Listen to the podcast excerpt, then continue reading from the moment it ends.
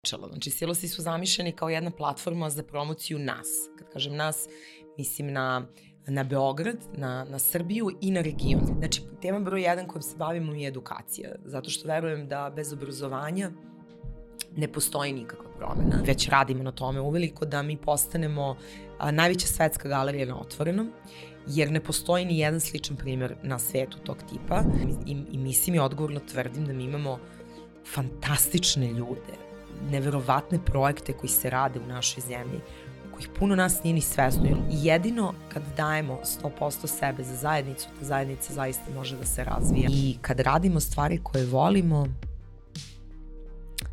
i u koje verujemo, a posebno kad znamo da te stvari utiču na ljude oko nas i na kvalitet života jednog cijelog društva, onda to stvarno nije posao. Ja, ja ne mogu da posmatram silose kao posao. Pa gde ste, dobri moji putnici?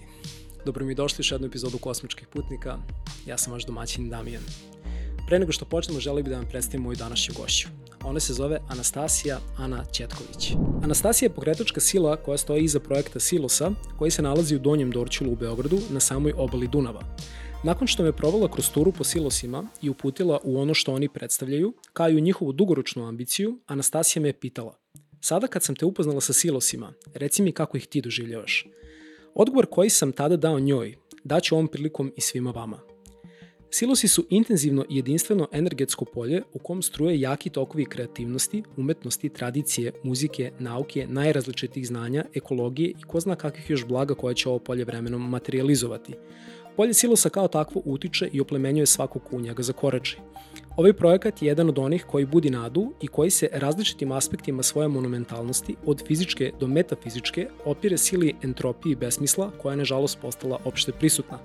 Za silose bih mogao da kažem i da su vrt stvaralaštva koji je već uveliko krenuo da cveta i koji će Beogradu, a i celokupnom regionu dati plodove jedne autentične i istinske vrednosti koja nije postojala u ovoj formi bilo gde drugdje na svetu.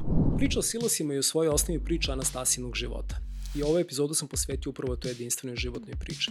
To je priča o jednom vrlo dinamičnom životu traganja i avanture koja je Anastasiju kao osobu koja dugo godina provala u industriji brodarstva doslovno poveo na put oko sveta. To je priča zbog koje ćete se zamisliti kada sebe ili nekog drugog iz svog okruženja budete čuli kako kažu da smo kao sredina osuđeni na kulturološku propast. To je priča o snovima, o borbi i opornosti, koja za cilj ima da nam svima nama, koji dalje opstajemo u Srbiji, pokaže kako može da izgleda jedno bolje sutra. Suštinski, to je priča o alternativnoj percepciji života, a to je ujedno jedan od glavnih razloga zbog kog stvaram kosmičke putnike, tako da vam toplo savjetujem da sa nama ostanete do kraja ove epizode. Ukoliko vam se dopada sadržaj kosmičkih putnika, postoje tri načina putem kojih možete da podržite nezavisnu produkciju i viziju ovog kanala. Prvi i najbolji način jeste naravno da zapratite ovaj kanal i da ovu epizodu podelite dalje. Drugi način jeste jednokratne donacije putem Paypala i treći način jeste da me zapratite putem platforme koja se zove Patreon. Linkovi za sve ovo stoje u opisu ispod ovog videa.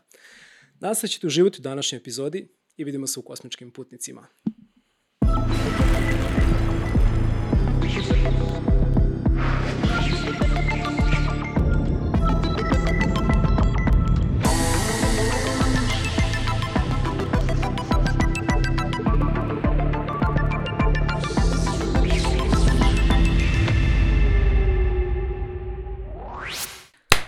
Anastasija, draga moja, dobrodošla u Kosmičke putnike. Bolje vas našla, hvala na pozivu. Nema na čemu, evo ovog puta ja tebi malo da budem domaćin. Pre uh, nekih da, nedelju dana si nas ti lepo gostila u Silosima, hvala ti na tome. Nema na čemu, ja sam navikla da, da budem super host i domaćin, tako da je baš veliko zadovoljstvo doći nekome u gost. da se malo obrnu ove jest, uloge. E, a, a, kad smo kod toga, znači pre nekih, pa ni nema još mislim deset dana, nekih nedelju dana si nas ugostila, a, provela si nas malo bila kroz silase, malo si nas onako detaljnije i dublje uputila to šta u stvari sve silosi danas predstavljaju i šta sve mogu da postanu. I sećam se da sam na kraju te ture bukvalno bio ono, onako izrešetan sa velikim brojem utisaka i pitanja. A ovo evo danas iskoristiti priliku baš da ti postavim neko od njih premijerno i uživo. Um, ja uopšte nisam imao predstavu o, mislim, koja je srazmera i skala projekta Silosa dok sad nisam došao, odnosno šta su stvari zapravo oni danas i šta tek trebaju da postanu.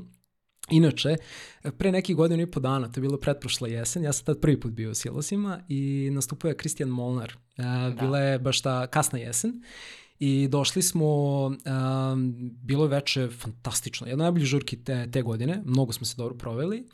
Ali sad naravno, ok, muzika je bila sjajna, kako i da ne bude, jel, kad je Kića ovaj u pitanju. Jeste, jeste, on je, on je našu prvu godinu otvaranja silosa, on je otvorio silosa sa muzičke strane i ovaj, do, Aha, dao stvarno? veliki doprinos, jeste. On je bio Aha. muzički urednik prve godine o... i ovaj, pomogao nam je puno vezano pozdrav za opremu. Za jeste, pozdrav, pomogao nam je da, puno da. za opremu, za izbor DJ-eva i dao je tu prvu notu prve sezone kad smo krenuli.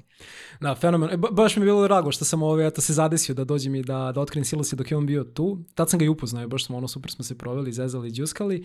Ali naravno mimo muzike, sećam se kad smo stigli tu prvi put, znam da sam onako primetio da je se tu dešava nešto malo drugačije.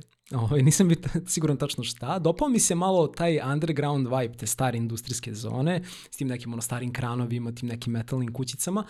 Naravno, sve to prožeto energijom reke, jel, koja tu ovaj, prolazi, tako da je stvarno bilo onako jedna autentična atmosfera i naravno murali. Sećam se ono došao i video sam tada, mislim da je to znači pretprošle jeseni bilo završeno onaj mural uh, žene koja uh, ovaj, otvara ruke. Jeste, ka, naša, naša ka, bela pčela ili dece zovu plava vila, to je čuvena vila iz da, da, Pinokija. Da, da, da, da, da, A, I bilo je gotovo gajno srce i nastavak gajno jeste, srce. Jeste, da, jeste. Ga, gajno srce, ono stoje stvari na samom ulasku. Jeste, u... gajno srce je prvi mural koji smo mi napravili i pre njega uh, nijedan majstor nije, bio, nije bilo dozvoljeno da uđe u zonu, zbog toga što je Gajno srce je napravila uh, naša umetnica Jana Danilović Aha. i velika sila Silosa i, i moj lični moj prijatelj Uh, ona je naša akademska slikarka koja je doktorirala baš na zidnom slikarstvu. A, I za moj 40. Sjajno. rođendan, dok sam još bila u pregovorima oko Silosa, da. uh, ja sam poželjela to veliko srce zbog toga što se u stvari neprofitna organizacija koja stoji iza Silosa koju sam ja osnovala zove Gaja Pokret. Mm -hmm. I meni lično je sam naziv bio vrlo bitan, jer Gaja je boginja zemlje koja stvara iz haosa, A po mom povrtku u Srbiju, ovaj, ja sam se tako osetila sa temama koje sam izabrala da, da se bavim njima, da, da sam u popriličnom haosu i onda sam u stvari shvatila da je neophodno da se pravi taj jedan novi život. I onda sam ja pozvala Janu i zamolila je da napravi srce i, i na isti način kao što inače komuniciram uh mhm. -huh. a, sve ostale morale, produkcijski taj deo zamisli same potiče od mene i nekih mojih a, ideja koje želim da plasiram u silosima, ali sa druge strane dajem potpunu slobodu umetnicima da se iskažu na način koji oni to žele i ja e, nisam čak ni žela da vidim sliku do, do poslednjeg trenutka, A. ali sam mi objasnila šta to srce treba da predstavlja, jer srce je, ima veliku simboliku, pre svega zbog toga što vi sad danas kroz srce ulazite u taj galerijski prostor, znači ulazite kroz naše srce, kroz mm -hmm. srce naše organizacije, A, na njemu se nalasne donose biljke koje pčele najviše vole. U našem slučaju to je a, lipa, to je lavanda, a, kantarion i imamo i te male pčelice koje ovaj, šetaju po srcu. I e, rekla sam Jani, žela sam da to srce u stvari da taj prvi bit projektu, zbog toga što je u formiranju bića, jeste, pum, pum, pum, u formiranju bića, mhm. e, bit je prvo što se javlja e, od života i srce je prvi organ u stvari koji se u nama formira. I meni je onako to imalo jednu jako lepu simboliku i želela sam da tu simboliku prinesem i na sami projekat, tako da Jana je, kad je završila, završila je u ponedeljak izradu morala, utorak su tek ušli majstori da krenu sa prvim radom. wow. da. Sve, kod nas da, je sve da, ovako da, poprično ritualno, simbolično da, da, da, da, da, i možda da, da. ne deluje na prvi pogled. Uh mhm. -huh. e, ponekad ljudima deluje čak i vrlo konfuzno jer imamo veliki broj događaja, ogromne. -huh. količine informacija koja se komunicira iz samih silosa, ali mi smo sa time potpuno ok, zato što verujemo da vi kad dođete, vi možete doživite silose na toliko različitih načina neko može da vas dovede ili možete da dođete i zadesite se na nekoj od predstava. Možete mm -hmm. da dođete i da dovedete svoju decu na neku od radionica, da dođete pogledate neku izložbu, izlaganje studenta, srednjoškolaca, penzionera a možete da dođete na jednu od radionica naših pčelara urbanog pčelarstva koje jako promovišemo, mm -hmm. na vrcanje meda u centru grada, na neke posebne koncerte, znači sve i svašta organizujemo, ali verujemo da ona osoba koja treba tu da bude prisutna, ona će se pojaviti. I mm -hmm. možda je vaše, jed, vama jedno, jednostavno suđeno, dođete u nekom trenutku i doživite silose na jedan način. Kad dođete posle dva, tri dana, oni će potpuno drugačije izgledati. Da, kao recimo ja i uh, te večeri kad je nastupao Kristijan Molnar. znači, zadesili smo se baš univerzum. Da, da, da, da, da, i to je bilo vrlo zanimljivo. Elem, svi ti, kad smo došli tad, znači, kad sam pomenuo te murale i te njegov nastup, seća se da sam onako bio samo ušao u to polje tih nekih utisaka, znači u, to je nešto odjeknulo intuiciji žešće. Razum je bio kao, ok, dešava se da je nešto vrlo zanimljivo, ali ovaj, tad sam već osetio da se u tom delu Beograda priprema nešto vrlo, vrlo, vrlo posebno. Ove, ovaj, I a, generalno, Mnogo mi je drago što a, danas imam priliku da razgovaram sa osobom jel, koja stoji iza svega toga. I ono što sam, razmišljala sam generalno o načinima kako mogu da započnem, jer već sad si uvela 60 tema koje su vezane ono da, za silose. Da, da. Pa to smo mi, da. da. I razmišljala sam generalno o načinima kako bih uopšte, od koje teme bi mogli da počnemo, pošto ih ima toliko, ali mislio sam da eto, za početak možda najbolje krenuti od nekog najjednostavnijeg pitanja kao šta su silosi, da probamo nekako da to postavimo i da to a, pitanje nam bukvalno posluži kao ta neka vrsta jednog e, čamca s kojim ćemo moći da zaplovimo tom jednom jel, vizijom projekta um, koji predstavljaju Silus i koji stvarno može, naravno, Beograd pre svega, a onda potom i Srbiju i region da obogati na jedan vrlo poseban način. Tako da ako nemaš ništa protiv, to bi te pitao za početak. Šta da. su stvari ti enigmatični silosi već malo? Ovaj? E, rekao si, iskoristio si reč da. jedno naj, najjednostavnije pitanje, u da. stvari je poprilično kompleksno. Da, da, da, da. Jer čak i ja kao neko ko, ko je osnivač celog mm -hmm. projekta, ali ne stojim samostalno iza projekta. Ja sam Sila Silos, ali iza mene postoje ovaj, još jedan veliki tim uh, Sila Silosa, mm -hmm. o kojoj ćemo moćemo pričati da, ovaj, da, da, da, u, u narednom periodu, ali um, danas mogu da kažem kako je počelo. Znači, Silosi su mhm. zamišljeni kao jedna platforma za promociju nas. Kad kažem nas, mislim na na Beograd, na, na Srbiju i na region. Znači, ne, ne ograničavamo se isključivo na mhm. nas, samo, samo na našu zemlju, ali prvenstveno na, na nas. Zato što mhm. e, ja sam poslednjih 23 godine provela po inostranstvu, uvek sam se vraćala u Beograd i gde god da sam živela, uvek je postojao taj neki obrazac u kojem bih ja barem nedelju dana mesečno provodila u Beogradu. Moja duša je uvek bila u Beogradu i ona pripada Beogradu.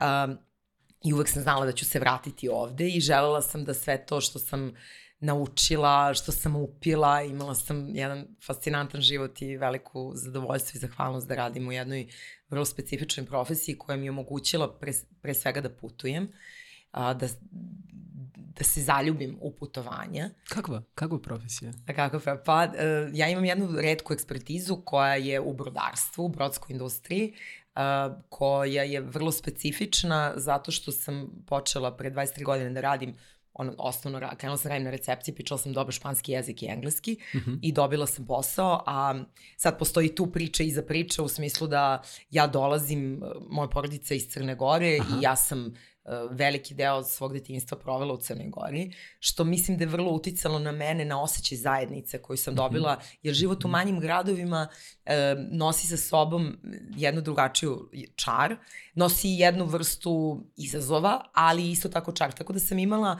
u svom odrastanju ta dva kontrasta života velikog grada, jedne predstonice, kakva je Beograd i velikog broja mogućnosti, a sa druge strane takođe života u jednom manjem gradu, ovaj, baka živela u baru i ja sam svoje detinstvo provela u tom gradu i najlepše uspomene vezujem za, za taj grad. I e, moja porodica sa mamine strane dolazim iz jedne pomorske porodice, imamo kapetane, e, imamo strojare i tako dalje unutar familije. Mm -hmm. Ja imam svoju prvu fotografiju, mislim, sa četiri godine i kapetanskom kapom na mostu. Ja Stavit ćemo š... u delu za biografiju. Da, želela sam, želela sam da budem kapetanica, da. ona, to je bila Aha. moja želja. I nekako se tokom godina to, to je uvek tako postojalo. Sad, ja sam bila ono, jedan mali štreber u duši i vrlo dobar đak, ali mm -hmm. uh, kad sam odlučila da upisujem fakultet na moju veliku nesreću u tom trenutku iz ove perspektive mogu reći na moju veliku sreću uh, u Kotoru te godine nisu još uvek prihvatali žene da studiraju Majko uh, da, na utiku tako da sam ja tako sva tužna i, i nikakva ovaj, upisala u Beogradu političke nauke kao ono, opciju broj dva, da. ali uh, moje srce jeste bilo u, u, u nautici i mhm. prva prilika kada se javila, imala sam 21 godinu, ujak me pozvao i rekao, slušaj, treba nam neko da radi na recepciji, na feribotu, uh mhm. -huh. ti pičeš super španski, vrlo brzo ćeš naučiti italijanski, vrlo su slični jezici, što je stvarno i bilo tako, uh mhm. -huh. i govoriš engleski i bilo bi idealno da dođeš i da radiš preko leta, eto, to, to bi ti bio dobar džeparac. I ništa, moje leto se da tako produžilo u narednih 23 godine, jer i trenutak kad sam ušetala na brod, to mogu jedino da opišem onim osjećajem kada upoznate osobu u kojoj se zaljubite i kada vam provode ti leptirići u stomaku. Drage moji, napravio bih samo kraću pauzu da vas podsjetim da čak 80% vas koji gledate kosmičke putnike i dalje nisu zapratili ovaj kanal. Definitivno najbolji način putem kog možete podržiti ovaj kanal jeste da ga zapratite, odnosno da se subscribe-ujete. Samim tim što ste zapratili ovaj kanal ga činite boljim na mnogo načina, a pre svega time što povećavate verovatnoću da ugustimo što veći broj gostiju koji su regionalni, a i globalni autoriteti vezani za teme koje inače obrađujemo u kosmičkim putnicima. Zato molim vas, kliknite na to malo subscribe, odnosno zaprati dugmence i samim tim povećite brzinu ovog kosmičkog putovanja na kom smo svi zajedno. Hvala vam i idemo dalje. Tam, međutim, donala sam tu odluku da, da u nekom trenutku života lepo je i prepustiti se i upoznati sebe u jednom u jednom okruženju i ne putovati toliko. Jer, mislim, kad pričam o putovanjima, ja sam stvarno jedan ekstremni putnik. Uh, evo, sad sam se vratila pe četiri nedelje iz Kolumbije i to je 73. zemlja na mojoj listi koju Opa. sam obišla. Da, živela sam u 13 zemalja za proteklih 23 godine. Kad kažem živela, mislim na sve što je preko 6 meseci života mm -hmm. na jednoj lokaciji. I uh, svaka ta zemlja je utkala jednu drugu dimenziju u moj život, dala mi potpuno drugačije uvide, drugačije kulturološke a, poglede na to šta je stvarnost, šta je bitno, šta nije bitno. A, šta su neka lokalna uverenja koja možda važe kod nas, ali već u narodnoj preko granice neće važiti. I mnogo volim putovanja zato što i stalno motivišem ljude da putuju mm -hmm. i to uopšte ne mora da bude, mislim, ja, ja sam, kažem, veliki ono world traveler, ali sa druge strane ta putovanja ne moraju da budu uvek po svetu. E, mladi ljudi mogu da sebi da sebe motivišu time što će putovati po Srbiji. Mm -hmm. U oktobru sam sa bratom napravila jedno prelepo putovanje od 14 dana po Srbiji, gde smo obilazili naše tvrđave, manastire, male gradove, bili smo u gradovima kao što je Pirot, Guča, odlazili smo u Smederevo, u Vrnjačku banju, išli smo na Miroč, Kolubac i evo mogu vam reći od svega što sam videla u svom životu, to je možda najposebnije putovanje bilo meni lično. Jer je neverovatno uvek me ubedi u ono da kad ste otvoreni vi ćete uvek naći na predivne ljude i silosi su velikim delom produkt svih tih mojih života koji su paralelno funkcionisali u isto vreme dok je postojao i taj jedan život u Beogradu kome sam se ja uvek vraćala. Znači, mojoj porodici, mojim prijateljima, mojoj zemlji koju mnogo volim i ovom gradu koji od svega što sam ikada videla u životu, moram priznati i dalje mislim da je najfascinantniji. On je baš jedan grad borac. Da, Beograd je stvarno jedan poseban grad. Jeste. I ovaj, sad kad si pričala ovo za, za putovanja, uh, kad si rekla zašto ljudima savjetuješ da putuju, ono zbog čega ja savjetujem uvek svima da putuju, ne moraju da odu na Tajland. Mislim, super Mislim, je. Mislim, prelepo je ako super ste mogućnosti. To sam teo da kažem, ono super je, ovaj, jer stvarno je um, le, lepo je nekad iskusiti neku tradiciju koja je zaista u svakom mogućem smislu drugačija od nas, naše. Jedna od um, tih najbitnijih, um, da kažem, bogatstava koje možemo da dobijemo iz putovanja jeste taj izlazak iz mehura u kom navik, naviknemo da živimo kad smo u određenoj sredini. Tačno. I jednostavno za nas važe ti, da kažem, kognitivni zakoni kako život može da se odvija. I mi odemo negde drugde, recimo na Tajland, i vidimo da život može da se odvija na potpuno drugačiji način. Tačno. I čovjek bukvalno, oni niti znaju, oni mešaju Srbiju i Sibir. Oni ne znaju ništa o nama. Znači, mi, to, to, to, on, bukvalno, to je kao da, kao da ste otišli na drugu planetu. Znači, potpuno ne postoji apsolutno nikakva referentna tačka za koju ne mogu da se ukute odnosu na neki svoj život. Mislim, naravno, neka načela su opšte i važe, ali ovaj, generalno, mislim da je to najveće bogatstvo. Taj izlazak iz babla i mogućnost da se sagleda život iz jedne potpuno drugačije perspektive. Kao recimo što je ovo, Evo, gde ti staneš svoju malu kucu. Da. Evo, ali ne, ne, sve vreme ovaj, grebe me Da, dole da. da, da je vreme da i ona se pridruži. da. Ovo je Lolita, Lolita, dobrodošla Naš- u Kosmičke putnike. pas, da. Joj, bože, kako ona, kako ona. ja mislim Da. mikrofona, eto tako, budite ljudi. Ovaj, um, zanima me uh, kada si zapravo odlučila da poseješ to seme silosa u toj nekoj formi, ok, sak, sakuplja, sakupljala si određena znanja na tim putovanjima, prošla si kroz različite tradicije, naučila si različite da kažem pravce kako može da iskažeš određene ideje, ali kada baš dolaze silosi, kada, ka, kada si bukvalno posejala to seme koje je sad već evo izraslo i krenulo da donosi svakakve plodove, to me baš zanima. Kada, kada, kada dolazi ta ideja? Da, kada si bio u gostima kod mene prošle Mhm. nedelje, ja sam ti rekla da postoji ta jedna knjiga koju sam jako volela u detinstvu, zove se Utkani svet Klavi Barkera, koja Mhm. govori o jednom um, svetu koji je svet magije i čarolije utkanom u, u ćilimu. I uh, početak te knjige ima citat, ja ne mogu sad da se setim tačno reči do reči, ali on suštinski postavlja pitanje u kom trenutku možemo reći da neka priča počinje. Jel kao i čilim, kad krenete da ga odvezujete, vi ćete nalilaziti na brdo nekih malih čvorića koji će voditi neku prethodnu priču i tako dalje.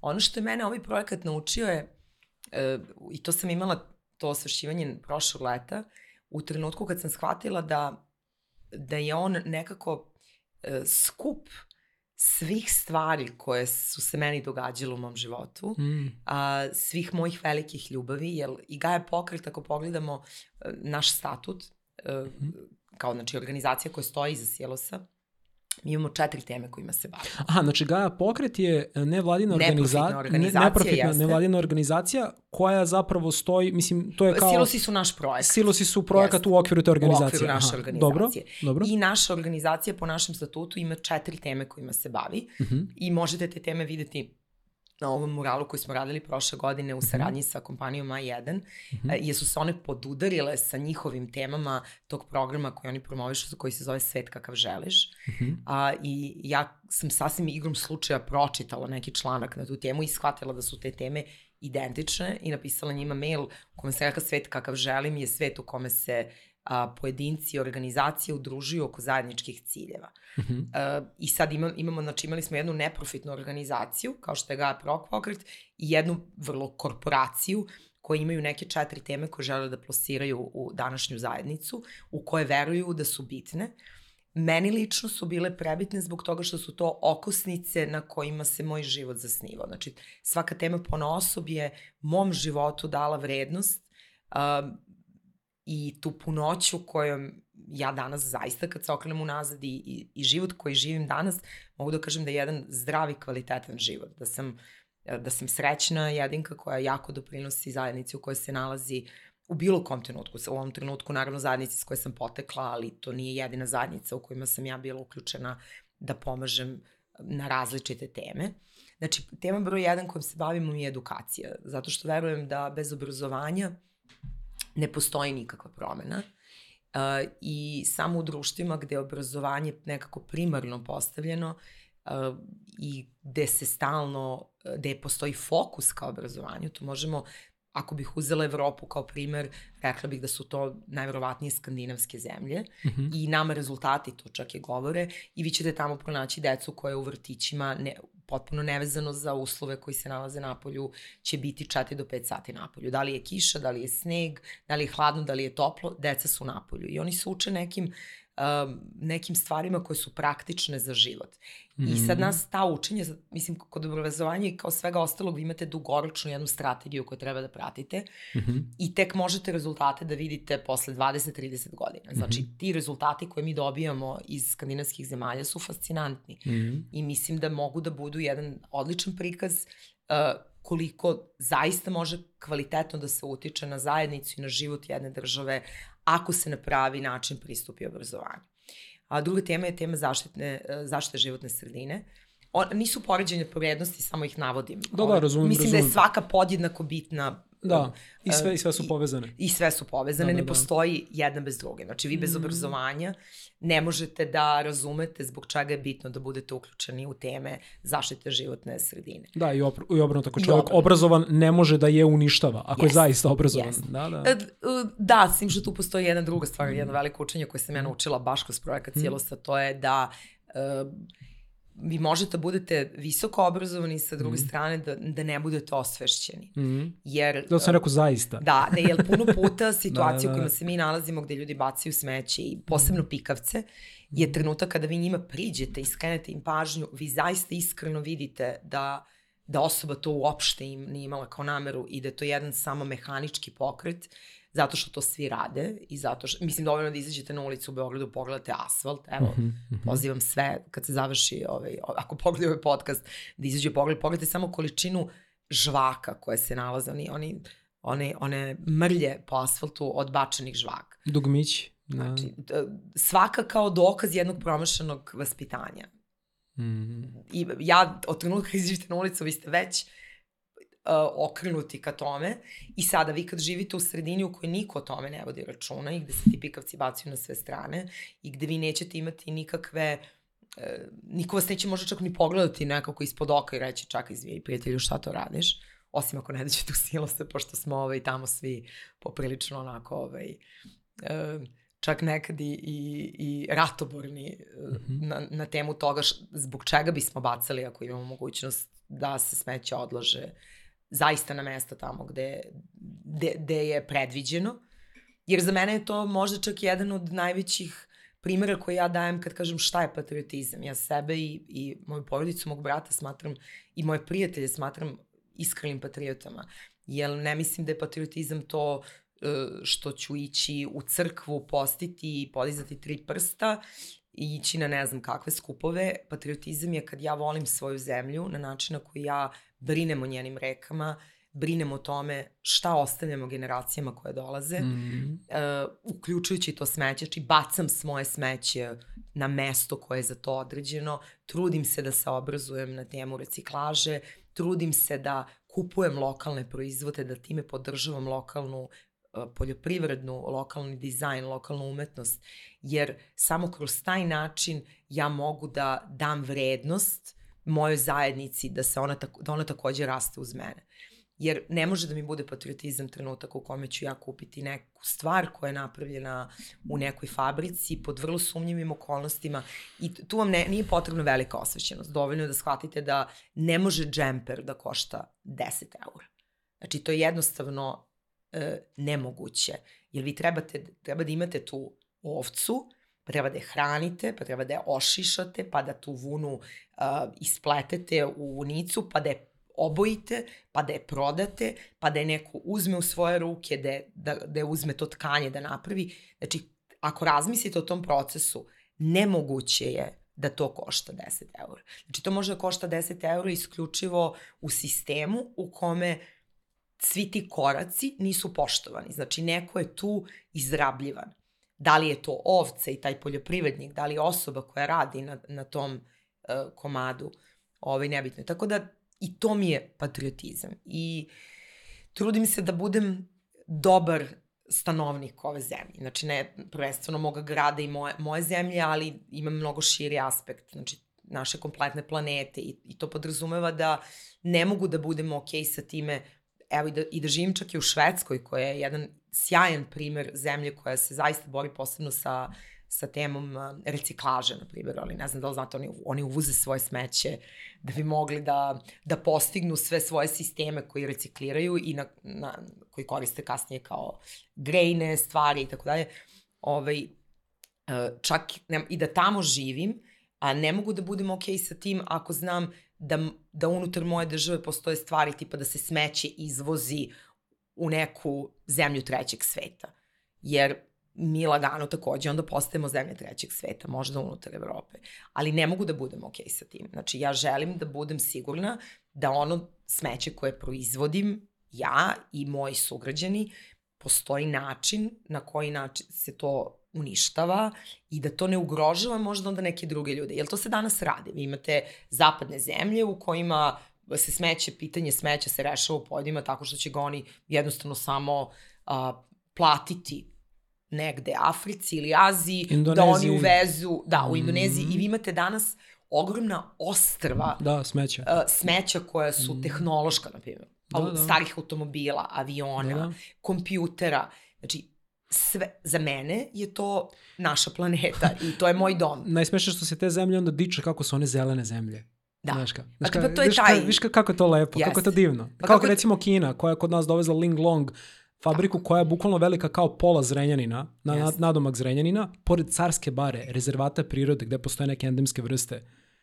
I onda se Kina diče time koliko oni imaju stvari zelenu energiju, kako su oni stvari, oni su svu svoju prljivu industriju rešili. Time što su je Kod nas. izneli u Da, neku da, da, da, Ali da, da. to za mene nije problem Kine, Da, Kine to da, je da. problem onoga koji, znači ti možda dođeš kod mene u kuću sa raznim nekim idejama i da mi ponudiš da svoje smeće ostavljaš kod mene u Mm. Da, kući. da, da, da, ali da, ja da. sam ta koja treba da, da donese odluku i da kaže čakaj stani, ok, to meni kratkoročno možda pravi neku vrstu uh, monetizovane vrednosti, ali dugoročno šta ja zaista ostavljam svoje deci. E, za mene je to taj pravi patriotizam. Mm. I uh, onda da se vratim na moje teme, mm -hmm. ovaj silosa.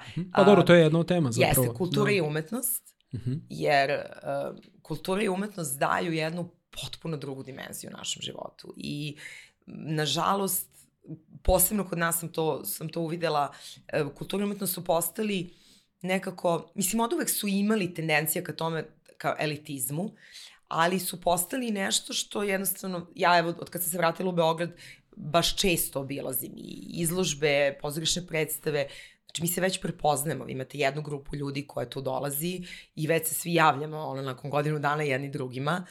I, I to je isto kao i sa nekim, ne znam, uh, vi imate mikrosvetove unutar raznih svetova mm -hmm. koji Mhm. žive samo, evo da kažem, u ovom gradu.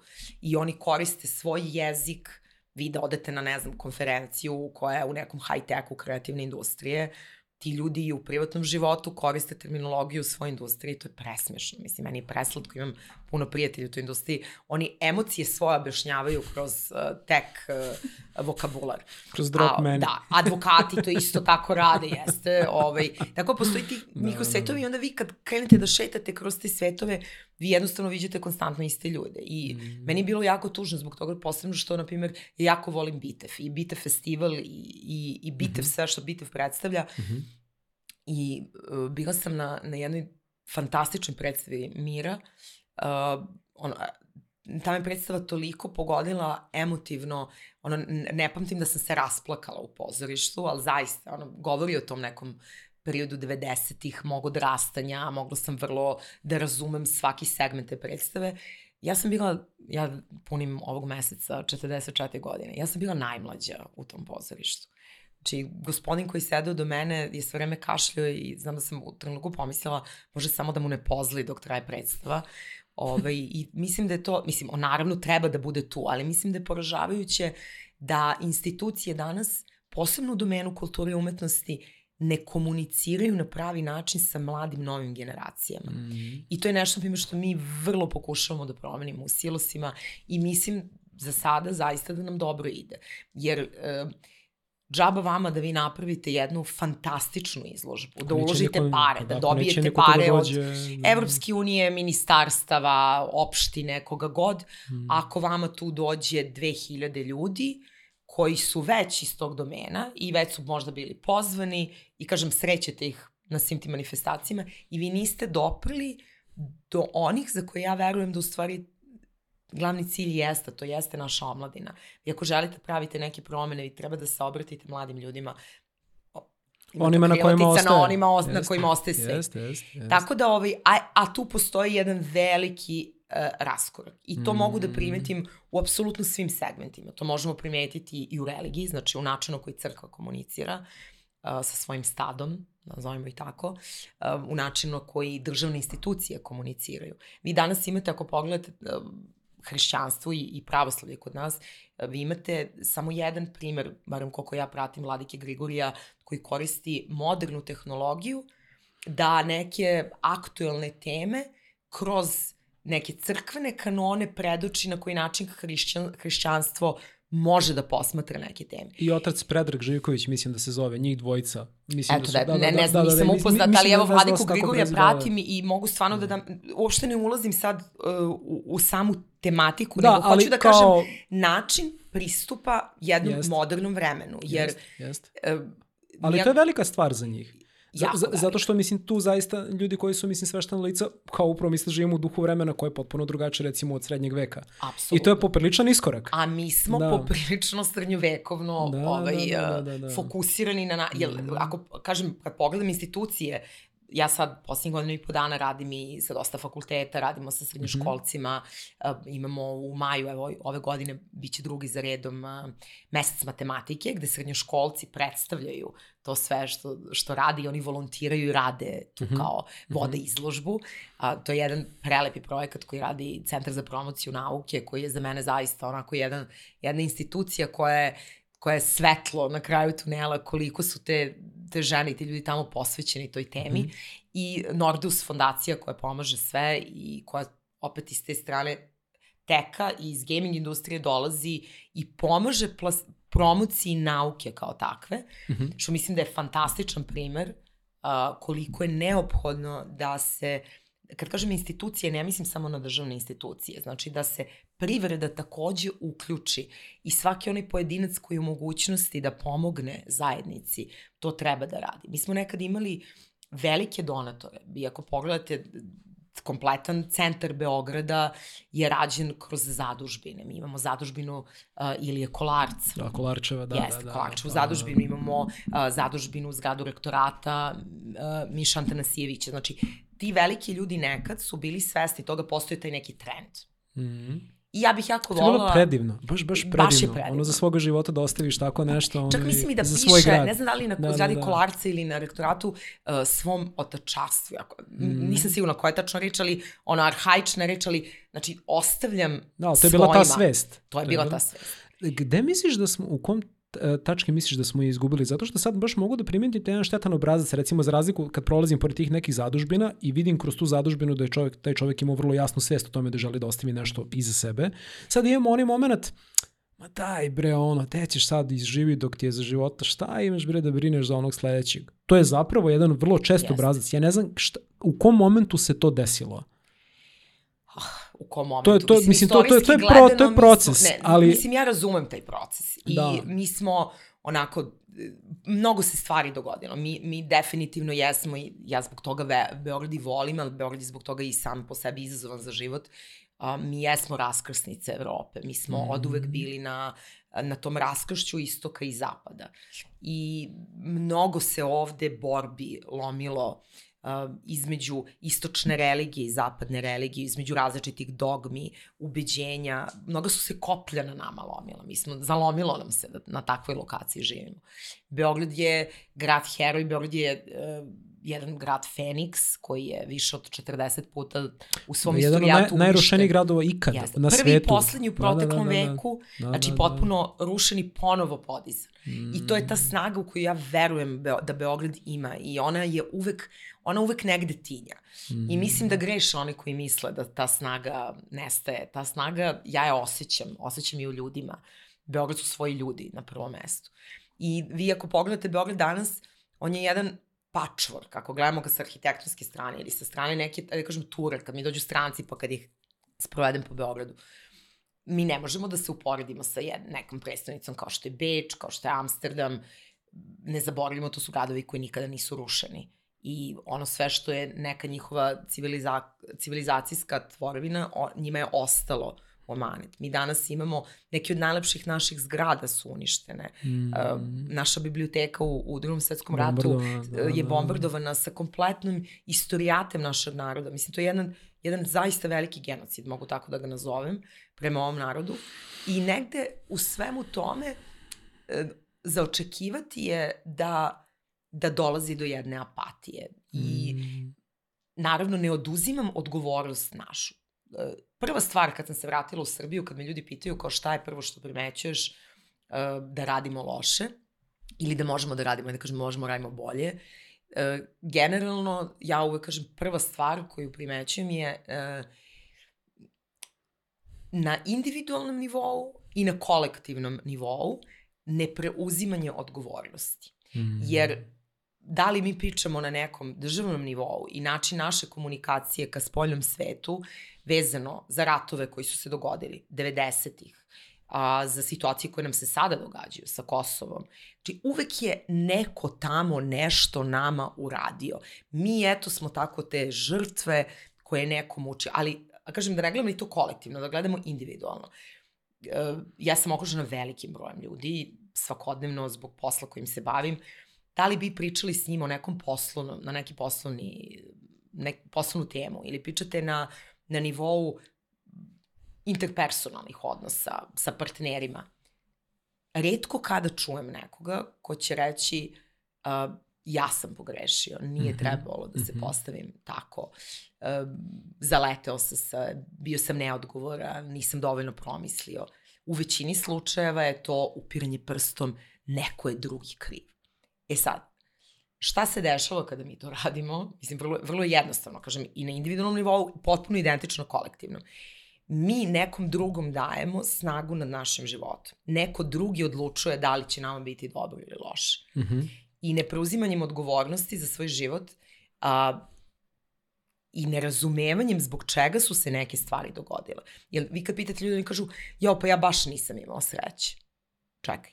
Ali ako ti se, možeš jednom da nemaš sreće, ali ako ti imaš obrazac po kome ti se konstantno ponavljaju identične stvari, da li je to zaista pitanje sreće ili je to pitanje uh, manjka tvojih sposobnosti da se sa nekim situacijama uh, nosiš. E sad, ti onog trenutka kad osvestiš da je odgovornost tvoja za tvoj život ili na državnom nivou za stanje tvoje države, uh, ti onda imaš mogućnost za promenu. Ili ti onda možda kažeš sebi, ok, ja u ovom polju nisam dovoljno obrazovan i svako od nas ima i takako veliki broj tema na kojima može da radi i treba da radi.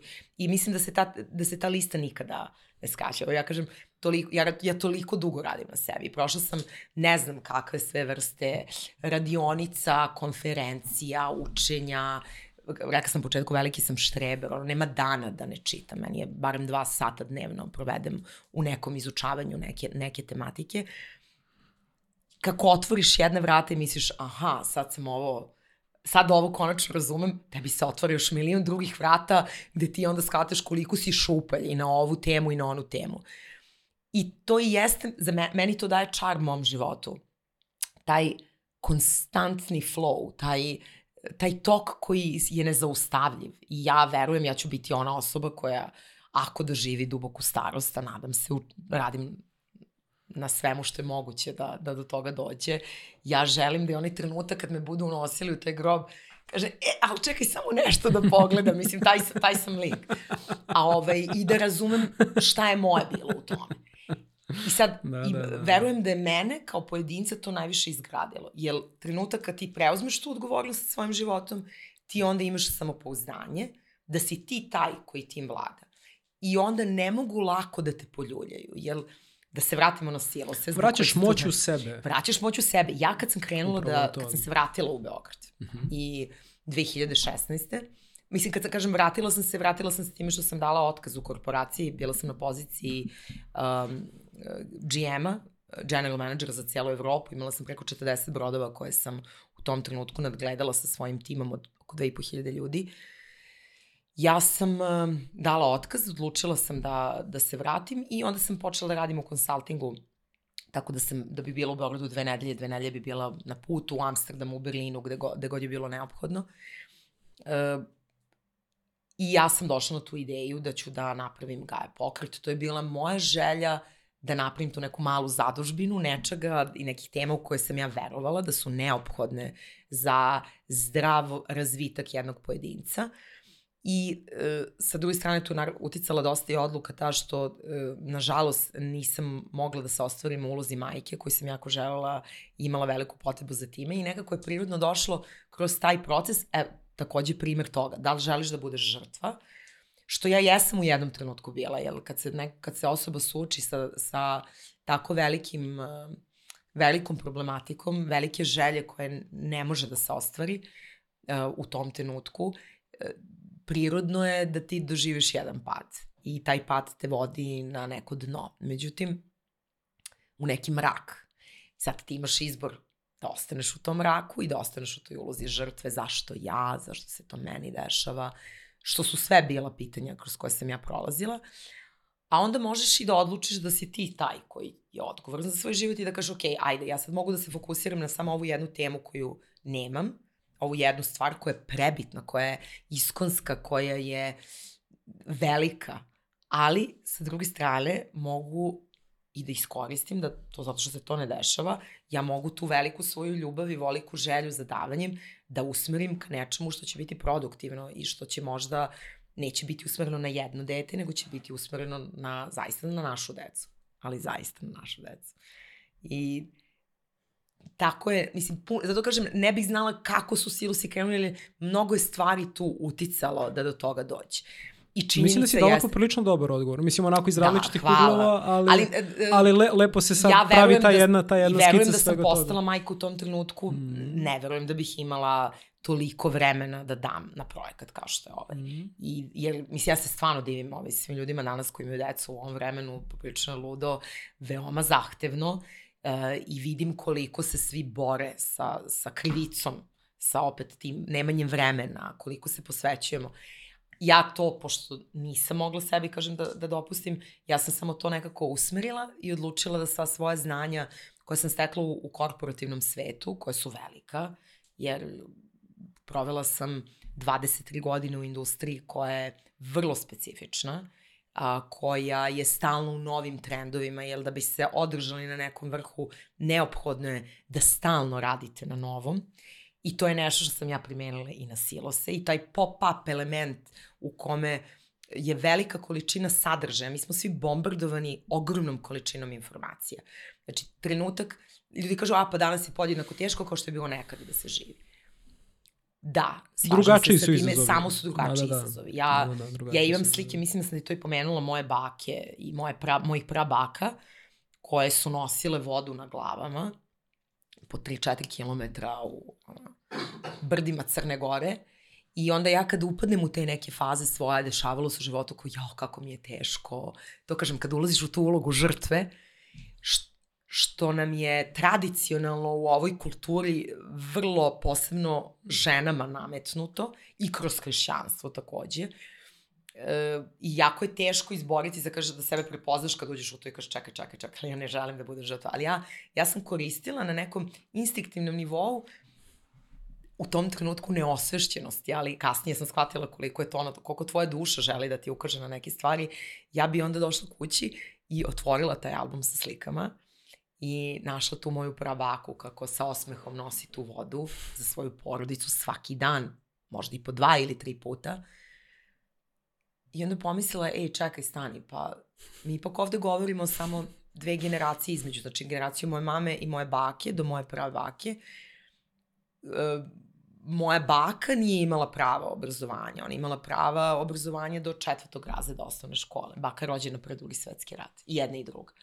Gde su njeni, njena braća imala visoko obrazovanje, bili osnivači liceja, ali ona nije imala to pravo. Onda je došla generacija moje mame koja se nekako, zahvaljujući mojim bakama, i zaista zahvaljujući socijalizmu, mi nekako uvek kad gledamo na taj period zavisnosti od toga da li, su, da li ti je porodica bila za četnike ili za partizane, zaboravljamo da ništa nije crno-belo i da nam je taj socijalizam zaista i doneo tu neku otvorenost ka tome, ka polovima i puno učinio na, na temu feminizma, u smislu da ženama se dopusti da, da rade, da se školuju, što danas iz ove perspektive ja imam drugajice koje iskreno kažu i neke su ono, direktorke velike korporacije kažu pa nisam sigurna koliko nam je to dobro donelo.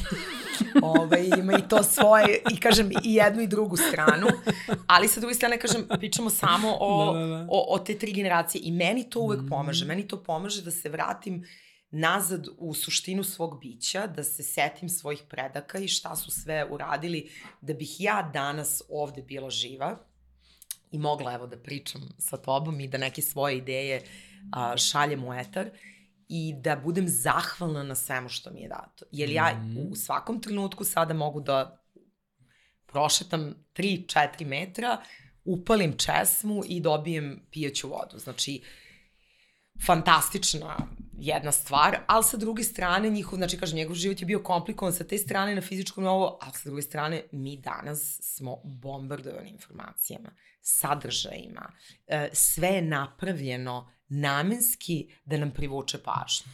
Da, nekada je bilo da ti bude toplo, da ne budeš gladan i da preživiš. Sada je sve znači. to, budi lep, budi super popularan, budi pametan. Da, da, da, da, postoji taj. Budi, budi u svim mogućim trendovima, pa mislim to se vidi kroz socijalne mreže. Tu je toliko nametnutih novih standarda koji treba ljudi da ispune da nije ni čudo što mladi ljudi toliko upadaju u depresiju. Jer to su ti izazovi novog modernog vremena kada smo rešili glad i moment preživljavanja kada to više nije na temi, sad imamo bukvalno jednu celu novu lepezu drugih izazova s kojima mislim da mladi ljudi teško izlaze na kraj. Nije ni čudo što toliko, mislim, nažalost, postoji ogroman broj samoubistava među mlađim populacijama, posebno u zapadnom svetu gde su socijalne mreže bukvalno ono nametnule toliki jedan nerealan standard i u estetskom smislu i intelektualnom te poruke koje nam se šalju, da svi žive te neke savršene živote, da se mladi ljudi stalno osjećaju inferiorno u odnosu na tu jednu sintetičku viziju perfektnog modernog života. Mislim da je to isto ogroman problem s kojim recimo naši preci kao ono, šta, kak, kakva bavili. popularnost, Tako kao je. čoveče, samo da preživimo ovu zimu. Mislim da, i onda je ovaj... Uh... Sigurno, sigurno. S tim što, uh, mislim, pitanje gladi, mi kad kažemo danas je rešeno, mm. rešeno je u... Lolo, jede palmu. e pa dobro, taman, taman, taman, je, taman je trebalo malo da se ošiša. Ovaj, e, mi kad pričamo o gladi, postoje različite vrste gladi, ali na fizičkom malo mislim da mi imamo danas mnogo lakše pristup toj hrani, ali nemamo ga svi. Nažalost, nemamo ga svi. Mislim, Na... zapravo, ja mislim da trenutno oko, da li oko 7 ili 8 miliona ljudi umre godišnje od gladi i dalje. Što je pa, statistika... To, to, je, to je jedna cela Srbija, mislim da, malo više od Srbije. Ode. To je, to je poražavajuće. To je strašno. U 2023. Da. godine. Gde hranu da, bacamo? E, pritom. Bacamo je da, da. i pritom uh, mi imamo takođe i danas, to sam skoro negde pročitala i to, to me toliko pogodilo, na nivou bića je da u stvari mi nikada nismo imali veći broj uh, robova nego što ga imamo danas u savremenom društvu. Jer mi kad pričamo o na, vlasničkom da, sistemu, pa da, obično se priča o to, ne znam, o um, ljudima iz Afrike koje su kolonijalne sile odvodile u centralnu Ameriku gde su ih koristili na nekim plantažama i kad se kaže roblje, obično ljudi pomisle na na, na to nešto što je bilo negde nekad u, u prošlosti. Međutim, uh, današnje vrsta modernog robovlasničkog sistema nam govori o tome da mnogo, da mi imamo danas civilizacijski najveći broj robova.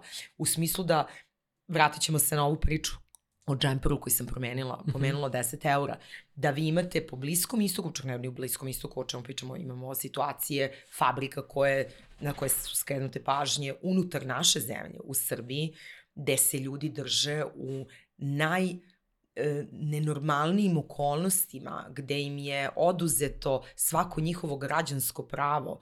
Mislim, bile su razne, razni tekstovi na, na tu temu fabrika u kojima su ljudi primorani da nose pelene da ne bi odlazili u toalet ili da ne bi pravili... Kod nas? A, kod nas.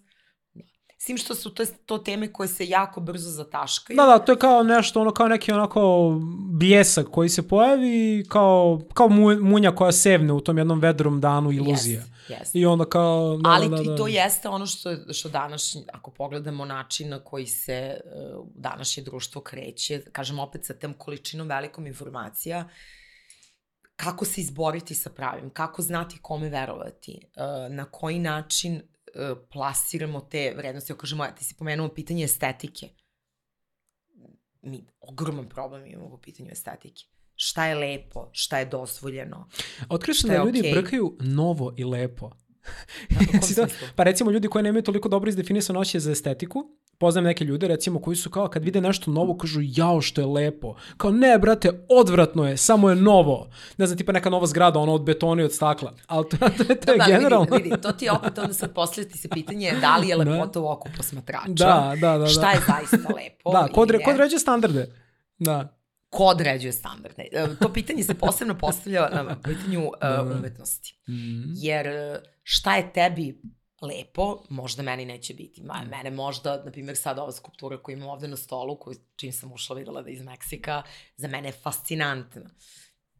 A možda će se pojaviti neko, sigurno sam iz generacije moje, mojih roditelja koji će pomisliti, budi Bog s nama, da li je moguće da ste uzeli glavu mrtve životinje Da, sve s rogovima. sa rogovima Đavo. i u, u ovaj, ulepšali nekim uh, perlicama i stavili da vam bude Da. deo dekoracije. Disclaimer da me ne bi vegani ovaj rastrgli. Ovo je inače glava od drveta je napravljena, nije, nije zaista prava ovaj. Aha, dobro li da je prava, mislim, nema tu, ako je životinja umrla prirodno Da, nekom svoje smrću šal- ili... Ro, ro, i je rog, ro, rog je pravi, dolazi iz Indije od krave koja umrla prirodnim putem, by the way. Bravo. I to je ovaj, tamo dosta ovaj, popularno, onda koriste to da kao, pošto su krave svete životinje, kad premine koriste neke stvari za pravljanje određenih relikvija. Ne Što je bi- fantastično, mislim da. Da. da generalno sve treba da se koristi. To dolazimo na, na tu jednu posebnu ovaj, filozofiju, Da. da. uključujući možda, ja sam, ja sam pripadnik onih ljudi koji veruju da nas treba, ima, ima jedan prelepi projekat a, gde se ljudi sahranjuju a, u nekim vrstama, kako se kaže kakun, a, kao opni, a, Čaura. čaura, Da, da, da. čaura u Mhm. kojima se nalazi humus, zemlja Mhm. i određeno seme nekog drveta Mhm. i onda je cijela ideja u stvari da se uh, u procesu raspadanja našeg tela to drvo hrani onim našim ostacima i rasti. Sad možete zamislite trenutak, ja sam samo zamislila, zamisli da odlaziš na groblje svojih predaka i ti šetaš kroz tu aleju hrastova, Da, breza, šuma predaka. šumu predaka. Wow. Koliko bi to bilo Da, da, moćno. da, razmišljam, mo, moja majka je prvi put ovaj imala to i rekao kao sine, kad me budu sahranili, kao volio bi da zaste drvo na mom mestu. I onda sam tad dobio ideju da to možda bude kao, znaš si šuma predaka. E pa postoji Koliko je to lepo. Postoji projekt. Mislim, posto, isto tako postoje projekti gde Da. može pepeo da se iskoristi i stavi u, ja sam kraljica trivije poznata u svom društvu, Da. da. sve i svašta me interesuje, da bi ljudi mogu da se stave, da se od njih napravi, od njihovog pepela se napravi veštački dijamant. Aha. I onda sam ja ovaj, često s mojom mamom, ovaj, kad se šalim, imamo tako jedan specifičan humor unutar kuće, ovaj, popričam Monty Pythonovski, Da. da. ovaj tata je uvek bio taj koji je to promovisao. I sam ja rekla, e, ako ne budeš bila doba, završit ćeš na mom prstenju, napravit ću od tebe ogrlicu i tako dalje. O, ove ba, ba, Da, baš je da, heavy. Da. da, i onda tako, mislim, smeli smo se, ono, ne, gluposti neki internet, ali, ali ovaj, Genijal. kažem, šta je nekom lepo, šta je nekom Jest. blisko, Jest. uh, šta nekome neka reč znači. Meni Mhm. se dogodilo par puta, na primjer, da koristim reč manipulacija, gde samo primetim da ljudi onako ustuknu Mhm. i imaju negativnu konotaciju za reč manipulacija. Biće iskorišćeni. Uglavnom većina ljudi vezuje to za to. Jeste, A, a u stvari manipulacija, na primjer, ako govorimo o manipulaciji energijom, ja bih rekla, ja sam izmanipulisala uh, neku svoju bol, ono što sam malo predavala temu, Da, da, da, na, da, na da. primjer, moje nemogućnosti da bude majka, rekla sam, ja sam znači izmanipulisala svoju bol i samo sam je preokrenula u nešto pozitivno i kreativno i kvalitetno i dobro za sebe i za ljude oko sebe. I onda mi se dogodilo par puta iskoristim reči da vidim da ljudi ustuknu. Tako da često pitam ljude šta za tebe tačno znači ta reč. Jer i govor je poprilično ograničena alatka i e, puno puta mi mi e, mislimo da znamo šta se na nekog, ne, neko će reći veštica i reći u strašno, a za mene će veštica biti vešta žena. Žena Mhm. koja je u skladu sa prirodom, uh, u puno puta ako pogledamo istorijski, veštice su bile žene koje su bile isceliteljke. Tako da sve opet, kažem, zavisi i ta reč dovodi do nekog uh, miskomunikacija, da ne pričamo u svakodnevnici koliko drugih stvari može da se I meni je zato recimo, loše. upravo zbog ovog što si sad rekla, meni potpuno fascinantno što civilizacija funkcioniše. Što mi imamo opšte funkcionalne gradovi, tako da kad pomislimo koliko stvari ljudi koristi iste reče, pridu im potpuno različita značenja, meni, meni, meni, meni je I recimo... koliko neverovatno. sad iz negativne, mislim, Da, da, konotacije, da, da, zato da, postoji da. propaganda, mislim, Mm. Goebbels je začetnik propagande bio Mm. i ovaj Hitler je vrlo bio svestan kolika je moć simbola, kolika je moć Mm. reči, Pa šta je uradio sa svastikom? Misliš što je ono prastari simbol? potpuno prastari Da, da, da, simbol da. jedne potpuno suprotne Da, da, ideje, da, svetla. dana, svetla iskorišćen u negativnoj da, za mrak. konotaciji. Da, da, da, da, da. Tako da ovaj danas vi kad napravite svastiku u svom originalnom obliku, vama će neko da se pojavi Da, i da da, kaže da, da, to što da. komunicirate je negativno. Velika je moć simbola i ja verujem u simbole, što me Mhm. opet vraća na silose,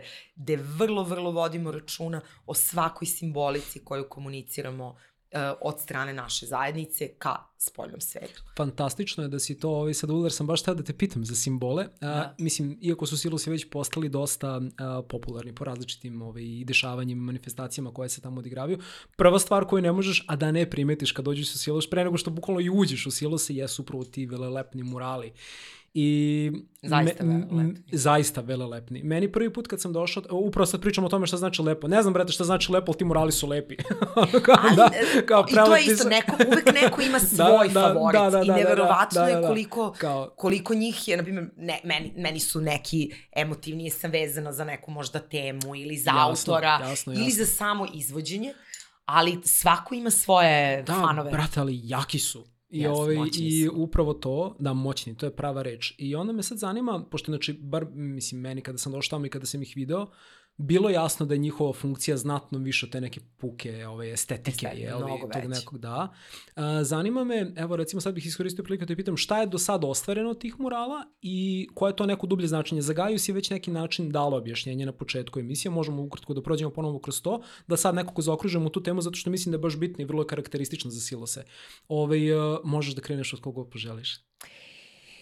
A, pa, da, znači, da se vratim, ne, nisam sigurna da sam završila to, znači imamo edukaciju, zašto životne da. sredine, da. kulturu i umetnosti, poslednje nam je da. tema promocije zdravog života, da.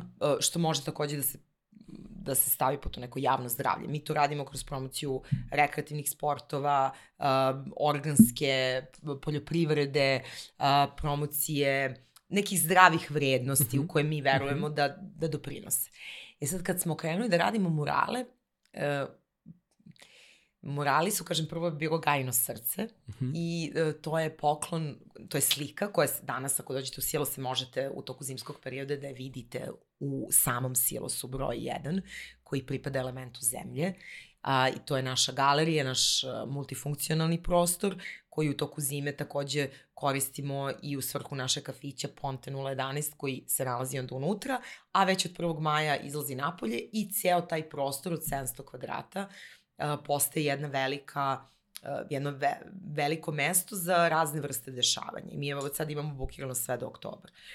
Um, vi prolazite kroz to gajno srce i možete da ugledate tu sliku. I čak postoje elementi srca unutar te prve baterije. Znači, silosi, mi imamo četiri silosa uh mhm. -huh. i oni predstavljaju četiri elementa. Imamo Prvi je zemlja, njega smo prvog e, osvojili, drugi je voda, u njemu se nalazi kafić, treći pripada elementu vatre i onda imamo vazduh. Tako smo ih nekako podelili, jer ja prvi put kad sam tamo došla, mene su ono prvo podsjetili na, na saće, to je bilo prvo, prvi utisak, onda takođe podsjećaju na neki veliki pečat. Ako gledate iz visine, ono kad smo dobili fotografije dronova, deluju kao neki baš onako, baš je statement, baš je pečat koji ostavljamo.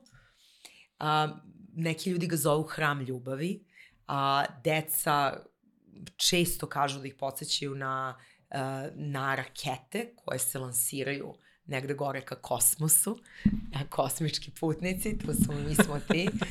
I ovaj, um, svako ima neko svoje viđenje. Za mene oni stvarno predstavljaju hram. Ja, ja, ja prvi taj dolazak kad sam došla na lokaciju da ih vidim, uh, prvi osjećaj je bilo prvo pri svega ta monumentalnost. Imate jedan ono iskreni brutalizam izlazi ispred vas i to je taj ljudski doprinos, nazovimo ga tako, mm -hmm jer nisam sigurna da, da je možda to baš najbolja reč za tu toliku količinu betona na jednom mestu.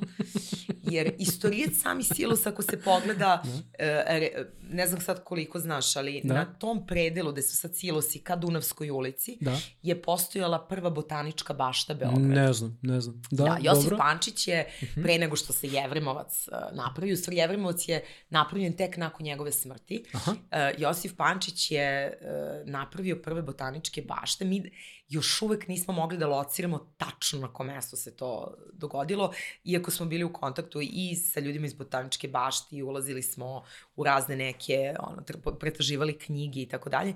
Imamo informacije, donekle znamo da su bile vezane za Dunavsku ulicu, koja je u tom periodu takođe uh, išla ovim delom kojim danas postoji. I znamo da su te e, botaničke, prva ta botanička bašta je tu negde napravljena na tom, na tom delu i da je nju Dunav e, plavio dva puta i uništavao. I onda nakon smrti Josifa Pančića odlučeno je da se Jevrimovac koji pripada o kraljevskoj porodici pokloni gradu i da se u ime e, Pančićevo napravi jedna botanička bašta, prva botanička bašta mm -hmm. a, Beograda. To jest ne prva, jer prve su bile ove ovamo na reci. I znači taj, taj deo tu da Dunav je bio uh, i tekako problematičan, jer Dunav sam po sebi je jedna premoćna reka, mm -hmm. vrlo nekontrolisana i ja je volim. Mislim, u zavisnosti od zemlje u kojoj prolazite, prolazi kroz 12 zemalja, e, imate različite načine na koje ljudi posmatraju Dunav. Negde je ona, negde je ona, ali u većini mm. slučajeva mu se daje muški karakter. Ja kao neko ko je prešao Dunav od njegovog izvora do nje, mesta njegovog ulaska u, u Crno da, more da, da, uh, i čak prešao svaku njegovih delta i to mislim sve zajedno sigurno preko sto puta. Vrlo sam ponosna na to. I poznajem mu svaku krivinu. Uvek ga više doživljavam da je nekako, ima tu mušku energiju, ima tu jaku, ratobornu energiju i nekontrolisanje. I, i osim prestonica koje imamo kao što su Beč, Bratislava, Budimpešta, Beograd, mm -hmm. Uh, vi suštinski, posebno ovaj deo ka Bugarskoj, vi nemate puno nasilja koje se nalaze na samom Dunavu. E sad šta se onda dešavalo tokom 50-ih i 60-ih, uh, odlučeno u tom periodu mesto gde se danas nalaze silosi koji su u ce, samom centru grada. Mislim, mhm. mi smo 15 minuta peške udaljeni od Trga Republike. E, da. evo me. Da, da, Mo, možeš i ka sebi. Ne, možeš Evo ovako. Ti, eto to. Znači, da. udaljeni smo od, od Trga Republike mm -hmm. nekih 15 minuta peške, da. kad se silazi dole. A, u periodu kad su se oni gradili, mi pričamo o jednom predgrađu. Postoji fotografija na Instagramu koju smo mi objavili, mm -hmm. a, ta neka dva radnika iz silosa iza, nekih 70-ih, u tom periodu ništa tu nije postojalo. Znači, najni, ono, zgrade koje su bile rađene, verujem da su to ono, u, zgrade koje su vezane za ca, ulicu Cara Dušana. I e, oni su tu nasipali pesak, nasipali raznorazno smeće uh mhm. -huh. i tek su onda to sve betonirali i onako zabetonirali se apsolutno celu tu regiju silosa. Vi sad imate te tone armiranog betona I trenutak kad sam ih prvi put prišla, kažem, moćni su, strašni su na jedan, na jedan način, jer predstavljaju tu ljudsku potrebu da meni su tako delovali za uništenjem prirode. Da, da potlači. Da potlači, bukvalno, u stvari ne uništenje, da, da. nego baš da potlači, da. to bi bilo baš bravo, hvala ti, baš mm -hmm. prava reč. Mm -hmm. Da iskontroliše. Sad smo mi tu došli, izlili smo sav ovaj beton i mi smo ti koji ovde suvereno vladamo. Eh, po informacijama koje ja imam, eh, dva centralna silosa su napravljene neki, završene neke 68. godine, uh mhm. -huh. a onda su početkom 70-ih dodata ova dva koja su sa strane. Uh -huh. Či imamo četiri silosa, oni su uh, povezani podrumom i povezani su gore na vrhu. Ova dva centralna su povezana, takođe može da se prelazi iz jednog u drugog, a ova dva spoljna su zasebne jedinice za sebe. Uh -huh. Uh -huh. I jako je komplikovana bilo kakva vrsta manipulacije silosa. Evo, mi smo pokušavali, imamo problem ili nam se toalet nalazi van samog silosa i sad u zimskom periodu, kada je tu mraz, kad je vetar, vrlo je neprijatno da vi opet oblačite jaknu, izlazite napolje, odlazite u toalet. Mi smo se obratili na par mesta sa željom da se e, probuši taj zid. Mm -hmm. Znači, to je tolika komplikovana akcija da niko nije želao da preuzme na sebe, jer silos kao takav ima 28 metara visine, armiranog betona. Oni su unutar sebe šuplji, u njemu se nekad uh, skladištilo žito i žito koje se skladištilo u bivšem žitom linu koji je mm -hmm. bio u vlasništvu i to je prva firma koja se osnovala tu, uh, je hranilo ceo Beograd. To je bila jedna žitnica Beograda.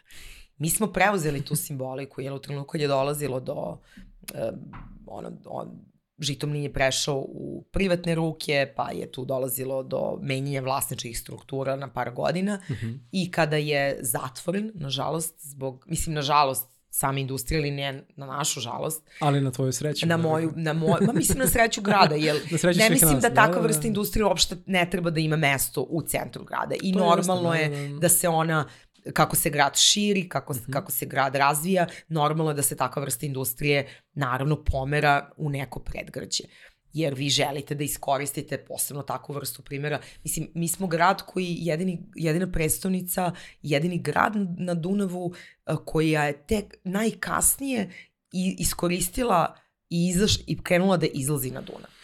Što je absurdno, jer ono, mislim da kad je Courvoisier bio u Beogradu, da je rekao bio da je Beograd ubedljivo grad sa najboljom pozicijom u cijeloj Evropi, ubedljivo, sa, sa, sa terenom, sa ravnicom, sa ušćem, dve, znači bukvalno, ali sa najgorom iskorišćenošću. mislim ovde da su da, bili da, da. neki holandjani, ja sam sigurna da bi ovaj grad da, da, izgledao da. potpuno drugačije. A dobro, kako i ne bismo kad su nas ono rušili bre 40 yes, nešto puta, mislim, yes. dobri smo. Ja kažem ono uvek dobri smo. Čovjek. Dobri smo, ali možemo uvek da Može budemo bolje, bolje, naravno. Može, ali, ali samo kažem, samo ne želim do, šta bi okay, taj holandjanin uradio ono da mu neko Amsterdam srušio, vjerojatno bi živjeli na čamcima. da, pa dobro, ali ne, mi imamo primjer da, Rotterdama koji je takođe srušen u toku da. svetskog rata preko 90% mm. i oni su od Rotterdama napravili jedan isto patchwork. Mislim, danas kad se dođe u Rotterdam, to je toliko različitih vrsta arhitekture. Nisam bio. Koja je da, da, da. fascinantna da. i čak imaju i neki, imaju one uh, cubicle houses, imaju kuće koje su napravljene u obliku kocki, Aha. ovaj, koje, koji su potpuno nefunkcionalni. Ja sam imala drugara koji je živeo tamo i rekao mi je, znači, ako ti ne shvataš koja je to agonija života u tom objektu, ali su one turistički vrlo uh, interesantne i bile su da, da. jedan iskorak unutar arhitekture. Mm. I oni dan danas su poznati po tome što oni rade sa najboljim svetskim arhitektama i daju im podlogu da mogu da se igraju. Da. Oni su jedan onako jedno polje igre. Našli su kreativan način kako yes. mogu da reše taj problem yes. Tako da bih ja volila da Beograd takođe ovaj, se ugleda na neke Evo, druge gradove. Evo, krenuli smo Beograd na vodi, to... Pa dobro, mislim, da, i Beograd na vodi. Ja sam uvek za to da se gradi. E sad, to je moralo, to mora se, se desi pre ili kasnije ono u svakom velikom gradu. Ne, naravno. I no, kao što je normalno, ljudi se sad bune da, da. sa velikim količinom brojem ljudi koji dolaze iz inostranstva iz različitih domena. Yes. Znači imamo sada veliki turski uh, tursku zajednicu, imamo Induse, imamo Ruse, Ukrajince, svi su ovde došli iz potpuno različitih mm -hmm. uh, pobude i ra razloga iz svoje zemlje, ali oni su tu i ako su već tu, treba iskoristiti, jer ako želimo da postanemo jedna internacionalna metropola i da izađemo iz domena te mm -hmm. svoje zatvorenosti, a mi to možemo jedino time što ćemo asimilirati te ljude. Ali to se neće dogoditi ako mi nismo sami svesni ko smo.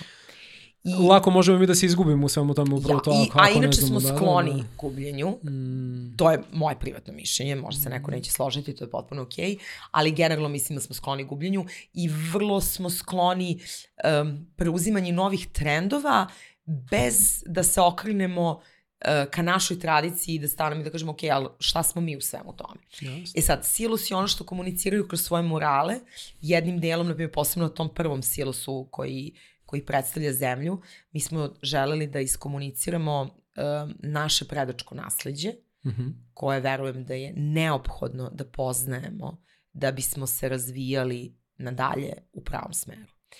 Um, kad kažem predačno nasledđe i kad kažem komunikacija, mi, mi još uvek, sad osim ovako interno ili u nekim uh, fotografijama gde ispišemo par reči, radimo na aplikaciji koja će postati u jednom trenutku, jer naš cilj je da silosi postanu, to jest mi već radimo na tome uveliko, da mi postanemo a, najveća svetska galerija na otvorenom, jer ne postoji ni jedan sličan primer na svetu tog tipa. A, imamo primere Singapurske luke, gde su se neki silosi unutar luke farbali, imamo primere u Australiji i tako dalje, ali ne postoji primer, prvo ne postoji nijedan primer takvog objekta u centru grada, to mi smo vrlo jedinstveni po tom pitanju, a, i ne postoji sistematski rad, kustoski rad, izabir, izbor a, velikog broja umetnika, mi smo tek počeli, mi evo ako Bog da sve bude kako treba, do kraja juna ćemo imati završen tek prvi silos a, i onda nam nas predstoji drugi silos, treći silos, četvrti silos i rad na toj aplikaciji koja će u stvari da komunicira kada dođe pravo vreme uh mhm. -huh. a, sa ljudima zaista koje su sve to teme. I one su vrlo povezane, iako deluju možda ovako sa strane da eto samo su neke šarene slike. A, deo koji je okrenut ka reci a, komunicira naše predačko nasledđe.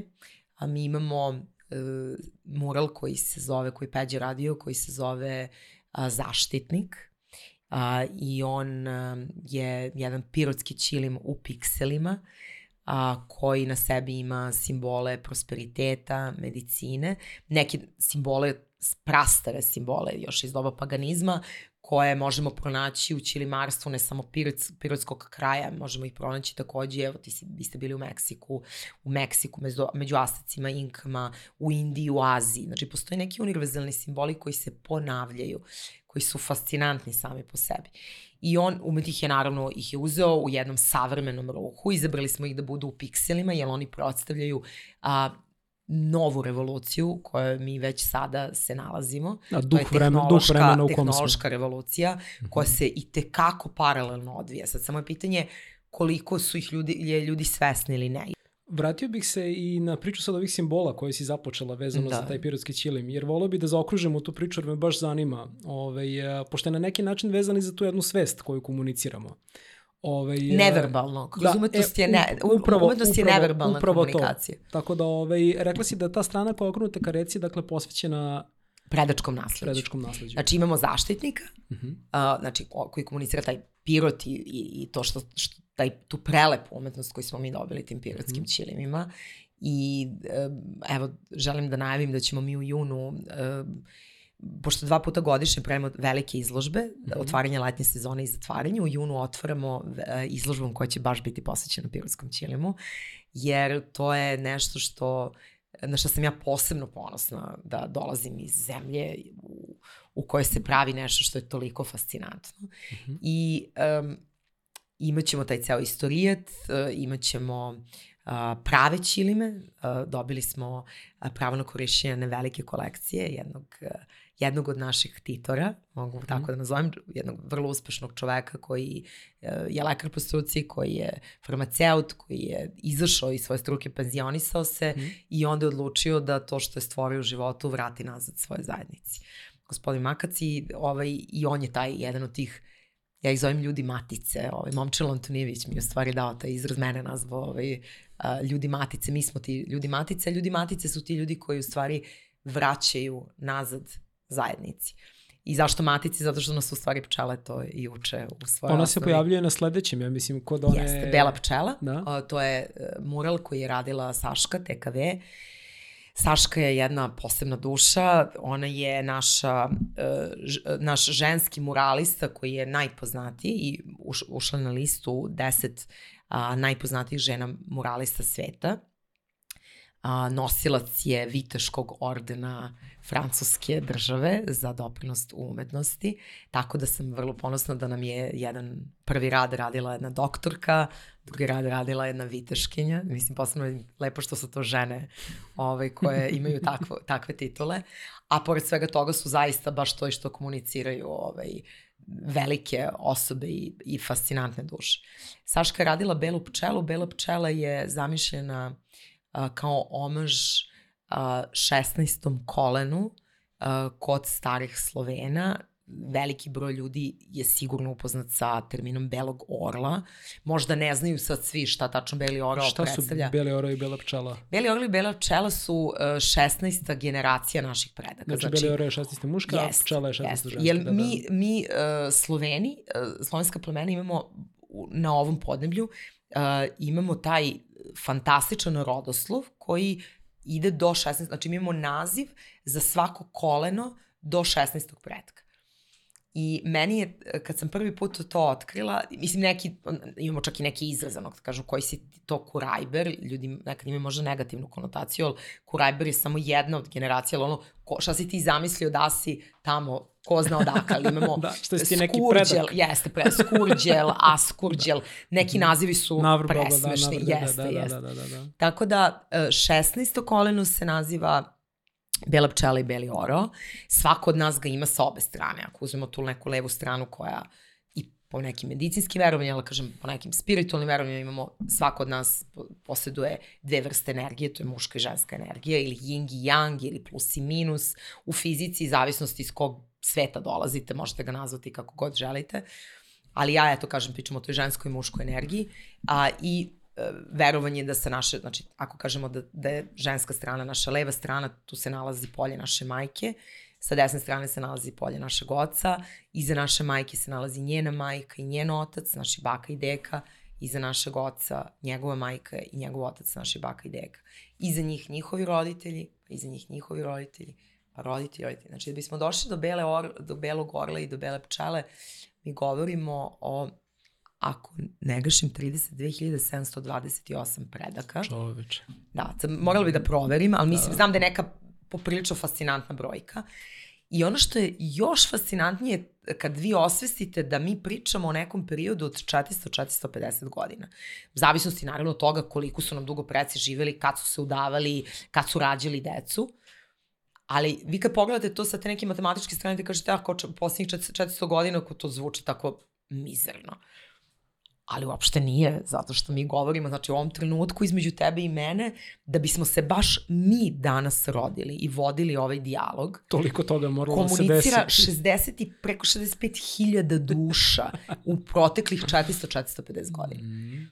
I oni su svi morali da, da vole, da mrze, da, se, da ratuju, da se bore, da imaju neke principe velike, da možda nemaju principe, da budu prognani, da budu dobri, da budu loši, sve to u jednom velikom paketu, posebno ljudi Balkana, gde smo mi ipak dolazimo iz, iz podnemlja gde imamo toliki broj ratova ako pogledamo nazad mm -hmm. tih 400-450 godina, ali mislim, realno nije, nije ostatak Evrope ništa bolje, mislim, gde god sam, ja jako volim istoriju i posebno istoriju srednjeg veka i, ovaj, i gde god sam krenula da, da kopam i da, da podučam sebe, ono, nalazila sam samo, ono, kažem, na nova vrata, nova vrata, nove informacije.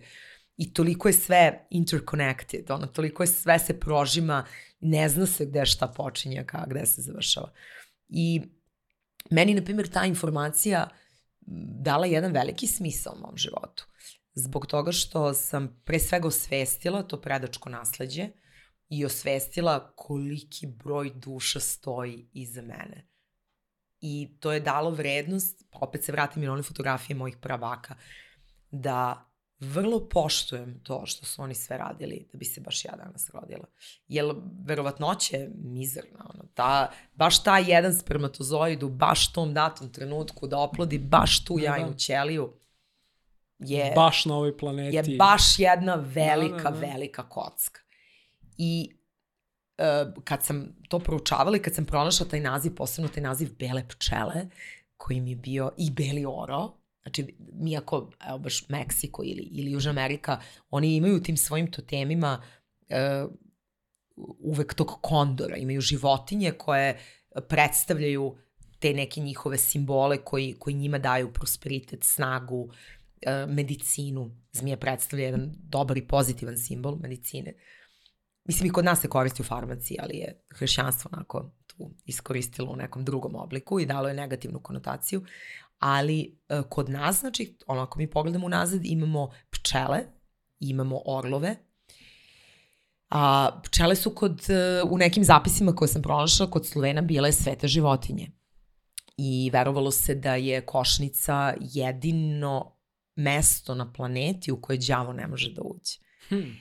I poznavajući pčele, ja dolazim iz pčelarske porodice, moji, moji preci sa mamine strane su, su bili ovaj, pčelari i, i to je valjda negde i ostane, ta, ta ljubav i fascinacija. Ja sam od uvek bila fascinirana pčelama i e, pčela je kad pogledamo to za Slovene, kako su je gledali, ali ne samo i za Slovene, mi možemo pronaći u, pčele u svim velikim tradicijama. Od Mesopotamije se pojavljuje kroz simboliku, a, kod starih Grka, kod Rimljana. Postoje čak ceo red a, melise su se zvale kod Grka, ovaj, sveštenica koje su bile posvećene pčelama. A, bez pčeloca to je jedna strana religiozna, spiritualna, sa druge strane šta nam nauka govori. Pčele su uh, najbitnija bića planete. Da, one, one su zvanično... za godinu, dve dana. Da, Jeste, znači zvanično su da. proglašene za najbitnije biće planete, one se nalaze na samom vrhu našeg ekosistema. Radimo, da? Jer e, bez pčela nema života, one oprašuju oko 80-85% biljaka na ovoj planeti, znači od ovih biljaka koje se nalaze oko nas do voća, povrća, drveća, taj ceo svet nestaje onog trenutka kad pčela nestanu.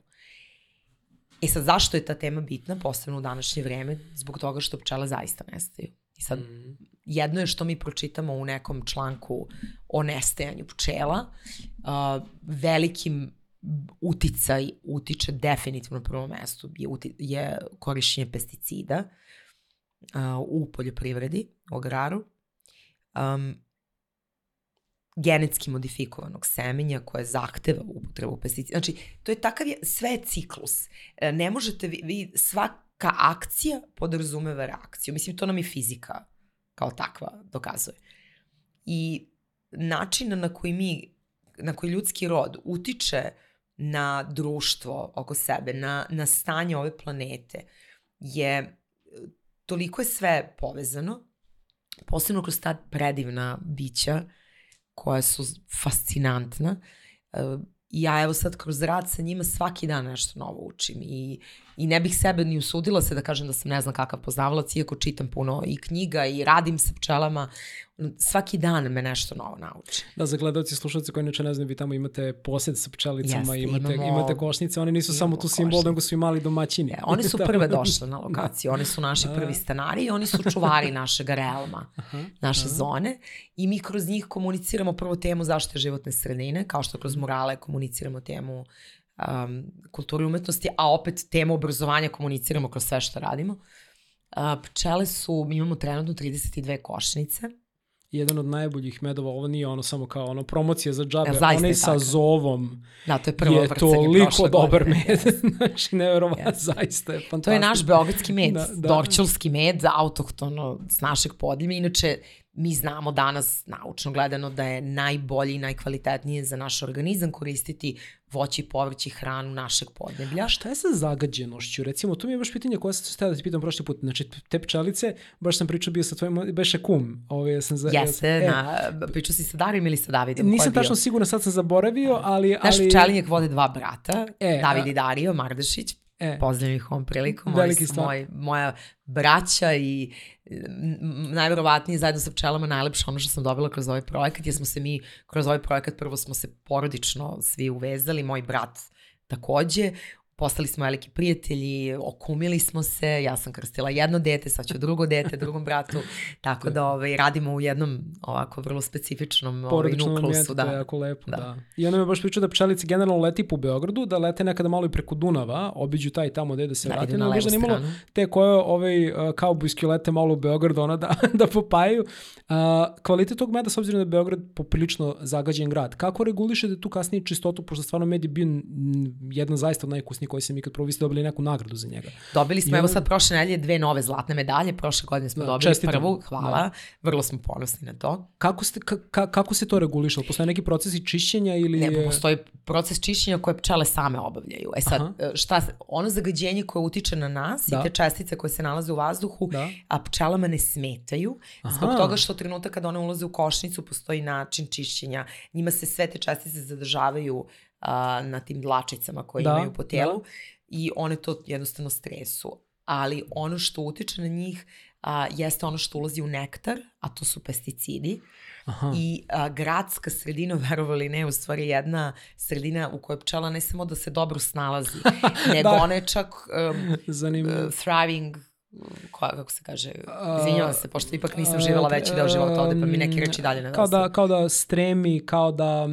Da još više, da još je bolje za nju, ajde da kažem tako. Da, da, da, i više još godi. Ovdje, još da, je više godi, da, da, zbog da, toga što se u gradovima ne koriste pesticidi i postoji veliki broj biljaka, posebno na Dorčelu, mi imamo lipu, imamo zovu, imamo... Mi smo radili analize našeg meda, Aha. uh, svake godine odradimo, imamo puno zove, imamo porodice ruže, one idu i skupljaju nektar od groblja, Znači, najiskrenije kažem, znači, groblje su im jedna od omiljena sigurno lokacija. I, na primjer, novo groblje cvetova, je da. nekad rađeno opet u tom nekom starom duhu Beograda. Mm -hmm. Vi danas kada ćete novo groblje, to je jedan pre svega park, jedan da, muzej. Da, da, da, ima puno biljaka. Da, Oni da, su da. prelepu stvar uradili u noći muzeja jedne godine, postavili su te kodove, čak da vi možete da idete da pročitate istorijat da. a, tih velikih velikana naših koji su tamo sahranjeni. Aha. I ja bih zaista iskreno preporučila, puno puta ljudi pošaljem, jel prvo najveći ljudi našeg od velikih vojskovođa do, do velikih umetnika, kompozitora su sahranjeni tamo. Veličković, Mokranjac, Vojvoda Putnik, naći ćete ih u, ovaj, u tim grobnicama. Svaka grobnica za sebe je fascinantna i oni su tada sadili veliki, veliku količinu drveća. Vi danas kad uđete u novo groblje, moji da, svi su tamo sakaljeni, znači da. bukvalno ste u šumi. Tako da one koriste i novo groblje, koriste botaničku baštu, idu na levu obalu Dunava, um, skupljuju nektari po, uh, po terasama donjeg Dorćela, gornjeg Dorćela ali sve te lokacije ne koriste pesticide, ili vi nemate tu agrar u tom, toj meri razvijen u kojem biste vi koristili pesticide, a pesticidi su ono najgore što, što, što one mogu, ovaj, što možemo njima da uradimo. I takođe isto kod tretiranja pčela, vi imate veliki broj pčelara koje smo, mislim, mi smo šok doživjeli kad smo to saznali, mm. ali koji koriste bojne otrove u tretiranju pčela protiv varoje. Aha, uh, varoja je jedna vrsta parazita. Da. Um, mislim ja zovem parazit, su, u suštini je krpelj, koja nam je došla iz Amerike, čudom čuda, ali ove, i, i trenutno je ve, najveći lepog, problem, da, najveći problem koji imamo na tlu Evrope je kroz varou i varoa jako brzo napada pčelinje društva, maltene se zakači se njima da li na kičmu i bukvalno im isisa život iz njih. Kao i, mi zato i zovemo krpelji, zato što funkcioniše na istoj bazi kao krpelji kod pasa ili kod mačaka ili kod ljudi. Znači, to je parazit koji se na svog stanodavca nakači i iz njega sisa život. I uh, u trenutku kada varoa ulazi u pčelinje društvo, vi bukvalno u roku od dve nedelje možete da imate pomor uh, kompletnih košnica. Uh, Mi smo imali tu situaciju prošle godine i bili smo pogođeni sa nekih skoro 40% ovaj, našeg društva, da. I to me u stvari, uh, mi smo toliko pričali na temu i edukovali ljude, radimo razne radionice, radimo dečije kampove, u toku leta dva meseca smo dovodili decu iz vrtića gde smo pričali o pčelama, radimo javna vrcanja meda, znači moguće je doći kod nas u, pri, u, učestvovati u kompletnom procesu, kupiti svoju malu teglicu i sipati taj med na licu mesta, znači da vidite da to nije nikakav ono dodatak šećera i tako dalje. Um, međutim, i mi smo koristili uh, najprirodnije metode u borbi protiv varoje.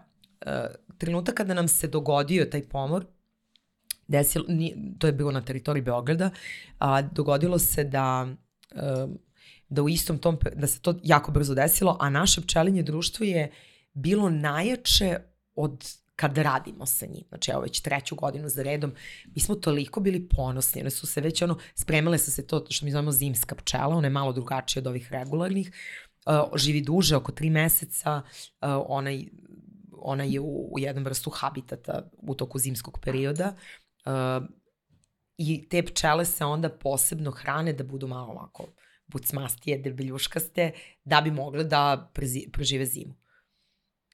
I kažem, u tom trenutku mi smo imali gosti iz Slovenije, tri autobusa su nam došla, pčelarskih organizacija odande, Znači, toliko smo svi bili ponosni, vrcali smo u tom trenutku već preko jedne tone meda iz 32 košnice na Dorćelu u Beogradu, u centru grada. I onako, ono, sreće nije bilo kraja. I kažem, baš su bile na dobrom mestu. I onda je krenulo. Jedna se košnica je obolela i to je bio takav udarac za sve nas. A, posebno za moje pčelare. Mislim, ja sam ih zatekla, on, oni, oni su plakali prvih pet dana i nisam mogla uopšte da ih smirim. Mislim, ne znam koliko možete da razumete, možda nekome deluje, ljudi se nekad i plaše pčela, što stvarno nemaju da, razloga. Da, drugačije to kad se ide emotivno vežu, kad su žive sa njima. To su živa bića, za da. isto kao kad imate psa, kad imate da, mačku, se za njih, da, vi se da, da, vežete za njih da, da, i te pčele vama daju ljubav. Naprimjer, mm, pčele prepoznaju daju vam hranu, daju vam svoju energiju. Pčele prepoznaju ljude koji njima dolaze uh, u obilazak, one prepoznaju vaš glas, ja im pevam ovaj, i neće vas uvesti. Znači, najbitnija je energija s kojom vi dolazite ka pčelama mm. i šta tačno radite sa njima. Ja nemam nikakav problem da prilazim uh, košnicama bez ikakve zaštite. Uh, ne samo ja, nego sam čak i, i Juga, našu, jednu od naših beba silosa, ovaj Davidovog sina, drugog, prošle godine imam fotografiju gde ga držim zajedno sa gospodinom Stankom, predsednikom uh, Beogradskog udruženja pčelara, koji nas puno pomaže i mentoriše i on je taj, uh, taj, ta generacija koja nam daje svoje znanje našim mladim pčelarima predivan gospodin. Inače, generalno moram priznati, svi pčelari koje sam ikada upoznala u životu su posebna vrsta ljudi i vrlo su specifični. u većini. I mi smo imamo fotografiju gde ja držim juga i merim ga, jer na jednoj od košnica imamo vagu, znači držim ga u cijelom roju pčela, ja u majici na bratele držim bebu od 8 meseci koju merim u tom trenutku.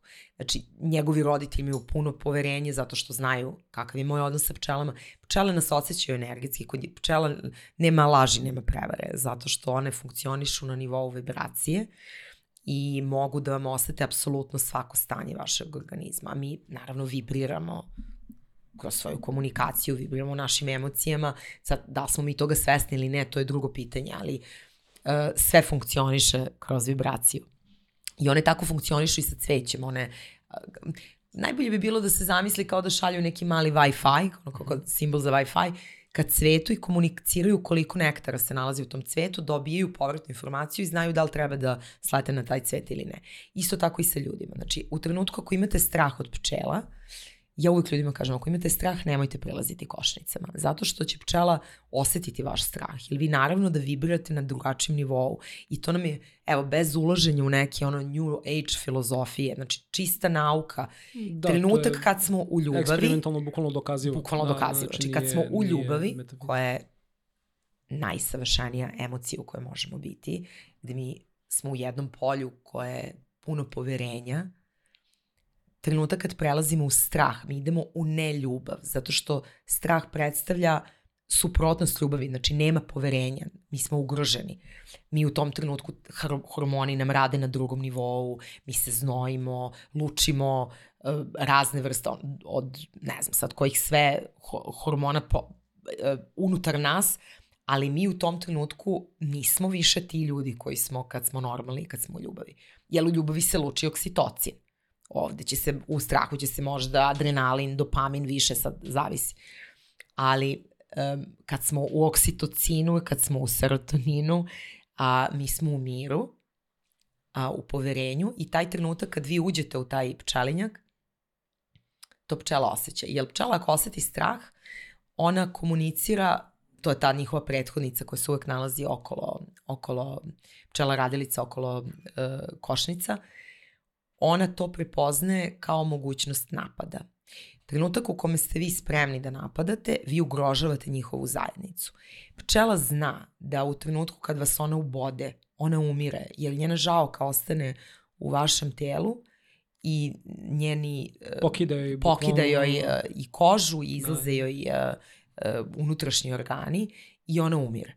I ona je svesna da će ona umreti, ali ona je potpuno okej okay sa tim da da život za svoju zajednicu jer iako radilice žive 40 do 45 dana, njihovo prenos njihovog predačkog nasledđa je fascinantan, on se događa tu na licu mesta. Trenutak kada vi možete dođete kod nas i da posmatrate, mi to deci pokazujemo u tim staklenim ramovima, da vide rađenje novih pčela. Trenutak kako izađu, ona već ulazi u ulogu koja joj je data. Hmm. Komuniciraju kroz vibraciju, komuniciraju kroz nešto, zunje koje mi čujemo, one nemaju uši, komuniciraju tako što vibriraju svojim krilima, one, svaka košnica ima svoju pesmu. Nazovimo je tako. To nije to pesma koja ljudskom da, da, da. uhu možda može da zvuči kao pesma, ali svaka košnica, znači mi to danas znamo dokazivo, ima svoju vrstu komunikacije. U svakom trenutku one komuniciraju sve što se događa u toj košnici. Imate pesmu trenutka kada se ležu ta jaja od strane uh, matice, trenutak kada dronovi oplođuju, trenutak kada radilice dolaze sa nektarom. Svako zna svoju ulogu u sistemu.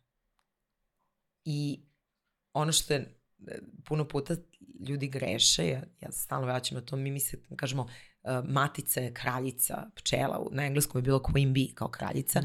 i često se predstavlja sa tom krunom iznad sebe, i onda naravno ljudski um, kakav već jeste, razmišlja o kraljevskom uh, skajevskoj simbolici uh, onoj koju, koja mu je poznata i to je kao ta neka royal, royal porodica, znači se zove royal gel ovaj, na engleskom, a to je, ovaj, to su sad različite stvari koje pčele proizvode, kojima se hrane, ili nije med jedino što stvaraju. Uh, ljudi zamišljaju tu kraljicu pčele ili maticu kako ona se nalazi na nekoj piramidi i ona je sad tu uh, nju sad svi služe, oni je hrane i tako dalje. Mislim, to ne može biti dalje od istine. ja kao neko koga moji pčelevi zovu matice, ja jesam matica silosa, znači to jeste moja uloga i svi smo mi matice u svojim malim okruženjima u kojima živimo i ljudi matice, kao što kažem što je rekao momčelo, u istom trenutku ta kraljica, ta, ta matica, ona je ona koja daje život. Ona je srce košnice. Ona se nalazi u tom jednom savršenom krugu. Jer u zimskom periodu kad biste otvorili košnicu, vi ćete pronaći pčele koje formiraju jedan taj krug, jednu, jednu loptu u čijem centru se nalazi matica. E, pčele sve svojim krilima koje pomeraju postižu temperaturu koja može biti između 32 do 35 stupnjeva otprilike i oni greju to svoje polje. I onda one koje idu s polja ulaze unutra pa se ponovo greju i prave te krugove i na taj način održavaju, jer svi su okrenuti da čuvaju maticu, zato što matica je ona koja daje život. Ali uloga matice je jedna vrlo kompleksna uloga i uopšte nije laka. I na stranu što je tu sad, ona se tu ovaj, matica izlazi samo jednom u svom životu da prikuplja seme od trutova i u istom trenutku ima skuplje, sakuplja od 15 do 20 trutova može da pokupi to, uh, to seme i onda ona ga unosi u košnicu i koristi ga za jajne ćelije koje izbacuje svakodnevno da se ono plodi. Koliko trutova treba da bude rođeno, koliko radilica. Svaka čel, pčela ima potencijal da bude matica. I to je jedna isto fantastična ovaj, simbolika i filozofija, jer to je nešto što ja pokušavam posebno deci da objasnim, ali bih volela i da ljudi to usvoje, da svako od nas ima potencijal u sebi, taj, da bude ta, to srce košnice. Ali je podjednako važna uloga radilici, jer matica ne može da funkcioniše bez radilici i trutova. Kao što radilice ne mogu da funkcionišu bez matice i bez truta. I oni svi daju 100% sebe za svoju zajednicu. I jedino kad dajemo 100% sebe za zajednicu, ta zajednica zaista može da se razvija, da bude plodonosna, da bude zdrava, da ima šanse da u trenutku kad neka bolest, u pravom smislu te reči, najđe ili neka vrsta izazova, da ona može da se izbori sa tim na nivou zajednice koje si sad opisalo, pošto bukvalno na osnovu celog našeg današnjeg razgovora Silo se sve više doživljavam kao jednu zajednicu. Pa mi jesmo, kao jedno, kao, mi se i reklamiramo time, da, mislim, upravo, reklamiramo, komuniciramo da smo rekreativni centar zajednice. Bukvalno. Koji su ti bili neki, mislim, s obzirom da toliko stvari radite, koji su ti bili neki od najvećih izazova kada si odlučila da pokreneš to? Kao šta ti je bilo ono, zato što kao razmišljam sad rad na kulturi u Srbiji, ono, o, vrlo izazovno. Posle korone, da, zašto da, da, životne sredine. Da, uživljavanje betona na neki način. Vi ste posadili travu tu gde sam, gde sam pčelice, doslovno kao upumpavate život u beton. Um, pokrećete toliko nekih stvari koje na neki način kod nas nikada nisu do sad postojale. Šta je bilo s to, s čime si se susrela na putu da ti onako baš bilo da si, da sad može da se pristiš da su neki najjači izazovi? Pa, da rekla bih da postoji samo zaista jedan glavni izazov, da. to je mentalitet. To je Aha. mentalitet i to je borba svakodnevna, ono, osjećam se ponekad poprilično Don Quixote. Koji je aspekt mentaliteta? Um, pa, pored onog što sam napomenula da mi je utisak bio prvi kad sam se vratila u Srbiju tog, te, te žrtve i tog nepreuzimanja odgovornosti, drugi bi bio taj malo, ja, ja to zovem Kalimero efekat. Sad ne znam da li se sećaš, bio je taj crtani o malom piletu koji je stalno išao govori it's an injustice, it's an injustice, to je, to je nepravda, nepravda da, da. to je da. nepravda.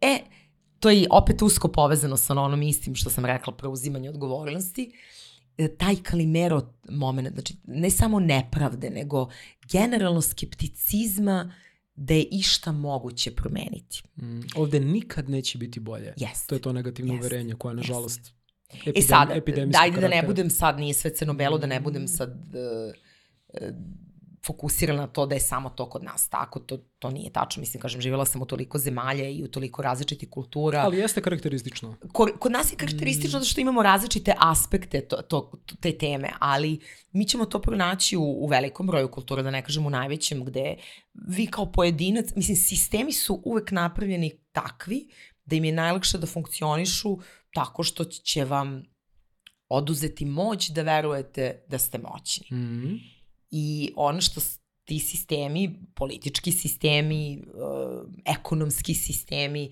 vas uveravaju, to je da vi kao pojedinac nemate moć da zaista pravite neke, neke strukturne promene.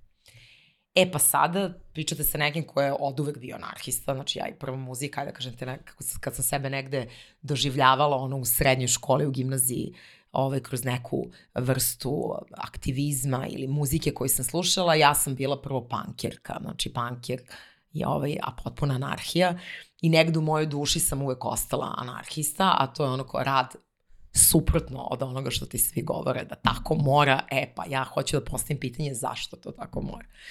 I to me negde i dovelo to. U stvari, jer mislim da je jako bitno, mi, mi radimo puno stvari po nekom defaultu. Ja sam se sa tim, samo se razumela, ja sam se sa tim susrela i u korporaciji.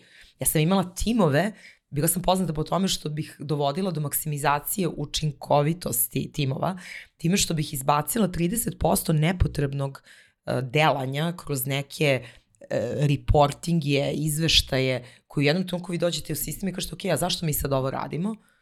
I onda Mika pita Žiku, Žika pita Maru, Mara pita Dekija i oni sad svi stanu i kao pa niko suštinski ne zna, ali to od uvek tako radimo. Kažem, dobro, ali od uvek, ali zbog čega? Pa onda krenete unazad i onda shvatite da su ti izveštaji bili vezani za neki IT sistem koji je korišćen u kompaniji koji se već tri godine ne koristi. Ali su oni to, jer mi smo imali 48 kancelarija širome uh, sveta i onda bi ja došla i rekla, ali zbog čega sad taj reporting on? E, ta, kažem, od toga do svega ostalog. Ja sam bila od ono, jedna od one do, predosadne dece, znači život mojih roditelja definitivno nije bio lagan, jer sam za sve uvek imala pitanje zašto. A zašto to tako? E, to tako mora. A zašto to tako mora? Ko kaže da to tako mora?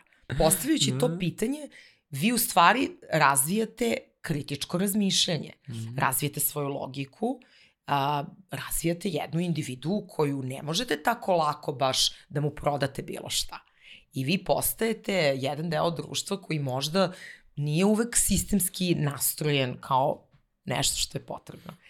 I tu dolazimo do obrazovanja. Tako da ono što je meni bio najveći izazov, kažem, jeste mentalitet, jer ja sam doživela da sam se prvo vratila u Srbiju, što je bio apsolutni šok svima.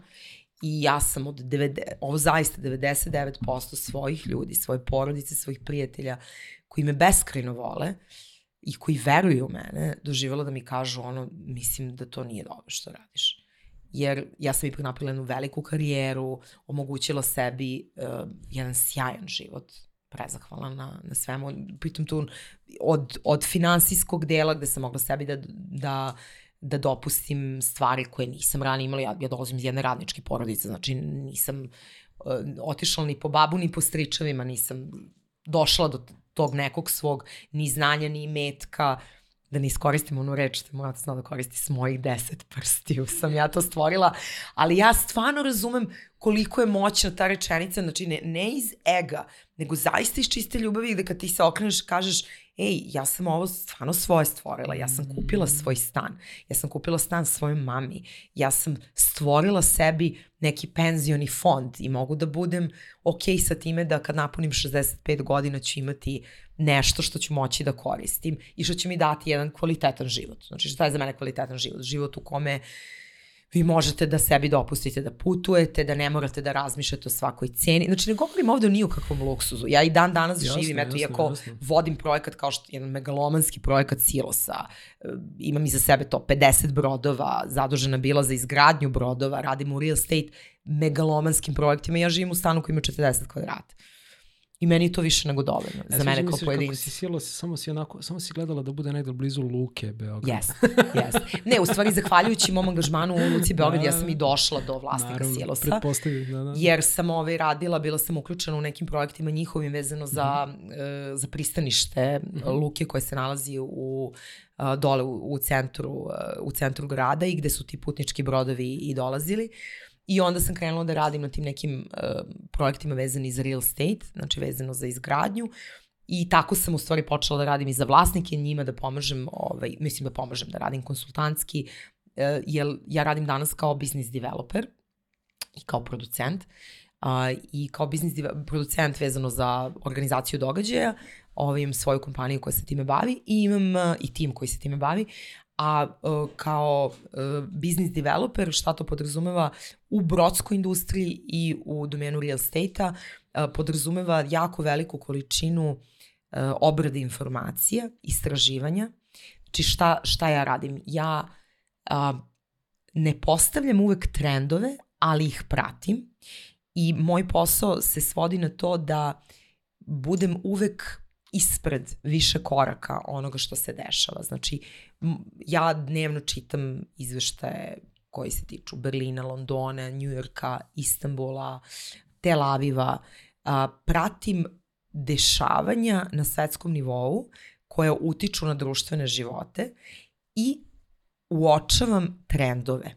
Znači, kao što smo imali trend koji je bio potpuno jedan normalan trend suprotan kapitalizmu, a to je čak i u Americi koja je kolevka kapitalizma kao takvog, a to je povrtak malim proizvođačima, prodak, povrtak lokalnim izborima, lokalnim dizajnerima, ili neminovno bilo da u tolikoj mas produkciji u jednom trenutku u ljudskoj prirodi će se probuditi taj inat i reći čakaj stani, pa mm. mislim, svi smo isto obučeni. Jer ono što, što kapitalizam radi, što plasira bukvalo identično što je radio socijalizam, samo sa drugačijom agendom iza, a to je, mislim, ja se sećam perioda kad smo svi odrastali, svi smo bili isti. Mm. Vi ste mogli da odete kod svojih drugara u kuću i da na, zateknete istu kuhinju, isti dnevni boravak, zato što je postojala samo, je, postojalo je gorenje koje je radilo belu tehniku i svi smo imali gorenje u kući, a postojala, ne znam, mojica iz Slovenije sad, ili ne znam, novi dom ili ne znam, ne sećam se više sa svih tih brendova, ali hoću ja da kažem, svi smo živeli u nekom identičnom sistemu i, i bilo kakvo iskakanje iz toga da se vi razlikujete je bilo nije bilo prihvaćeno kako treba. I tu sad baš dolazimo od to kritičnog mišljenja koje si rekla ovaj, yes. vezano za silose. Da li misliš da je, da je to neka sad ako bismo pričali možda nekoj zajedničkoj crti ljudi koji posećuju silose, da li misliš da je to recimo neko od zajedničkih crta ili kako bi ti opisala neku zajedničku crtu ljudi koji su česti posetioci silosa? Naravno da, li... da poseduju zajedničke crte. Mm. I, Koje ali, su to? Koje su to? Baš ne, ali, ali želim da samo napomenem da mm. ti ljudi nisu tu došli tek tako. Mm -hmm. Znači, ono što sam ja iskoristila iz mog bivših poslova i poslova koji dan danas radim, taj business development je to znači da i to učim, na primjer, mlade ljude, posebno sa kojima radimo. Ili mi sad već imamo projekte koje pomažemo po Srbiji. I ono prva stvar koju učim to je pravljenje biznis plana. To je nešto što sam me naučila, to je jedna tipična ono, američka tvorivina u, u korporacijama, što kako god ideju da želiš da plasiraš, ti treba neophodno da napiš biznis plan. Da li ćeš ti da započeš podcast ili ćeš da napišeš svoju baštu, Dobro. neophodan je biznis plan. Šta biznis plan podrazumeva? To nisu samo financije to podrazumeva tvoju strategiju, tvoj cilj, prvenstveno mm. cilj, tvoju misiju, strategiju kako ćeš doći do tog cilja, kome ćeš se obraćati, na koji način ćeš doći do tih ljudi, kakve su ideje koje ćeš plasirati i koliko to košta. Mhm. Zato što je to pitanje cene isto vrlo bitno, jel?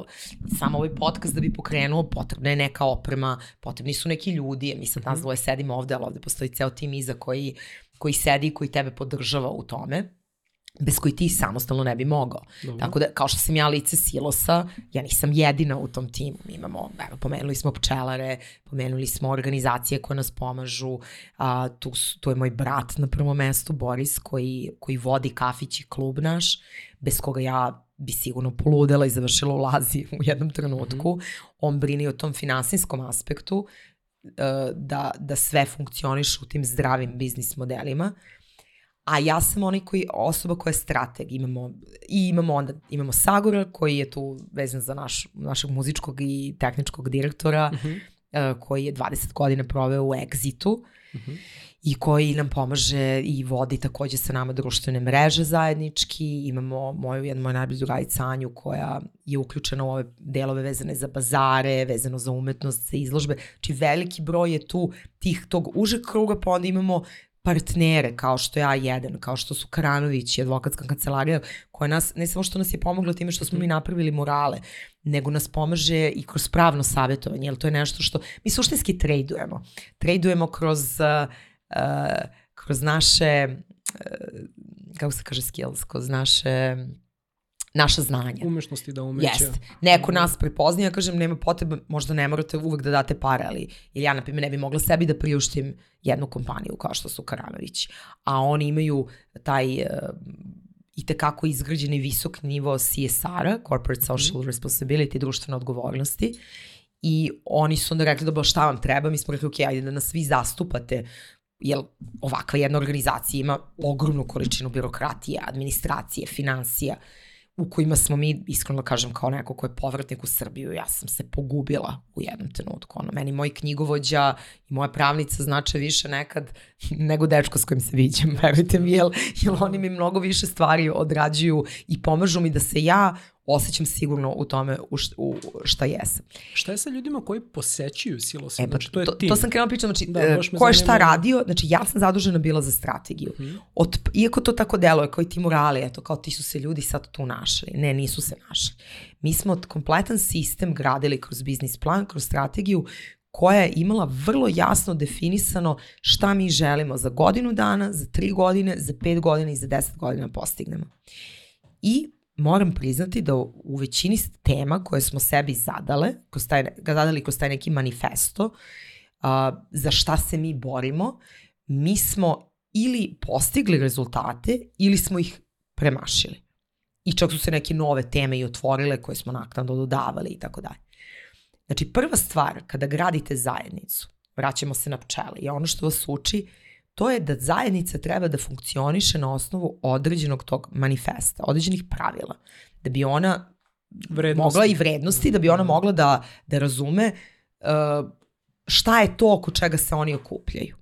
Znači, mi smo, iako smo prvo otvorili kafić, što nije bio plan, prvo je bio plan da se otvori ta galerija i muzej, međutim dogodila se korona i sve nas je zatekla i onako vratila par koraka unazad, ili unapred, zavisi kako posmatrate sve to, ali e, mi smo strateški odredili, rekli, ok, prvo ćemo otvoriti kafić, jer je džaba da mi otvorimo galeriju ako tu ne postoji mogućnost da ljudi mogu da dođu, ono, idu u toalet, uh, uzmu kafu, sednu pored reke, jer reka kao takva je nešto što će privući sve te ljude na prvom mestu i kafić naravno kao neki servisni deo koji je neophodan da bi ljudi mogli da kada dođu imaju jednu dozu konforma, konfora koja će im dozvoliti da oni tu provedu neko vreme. To je prva stvar.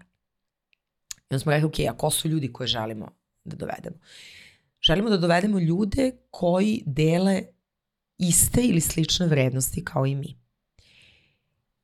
Kako ćemo da to postignemo? Pa vrlo lako, samim pristupom našem poslovanju, samim izborom projekata koji se tu dešavaju. Znači, kad kažem poslovanju, znači počeš od kafića, mi ne koristimo jednokratnu plastiku. Jednokratna plastika je zabranjena u cijeloj zoni.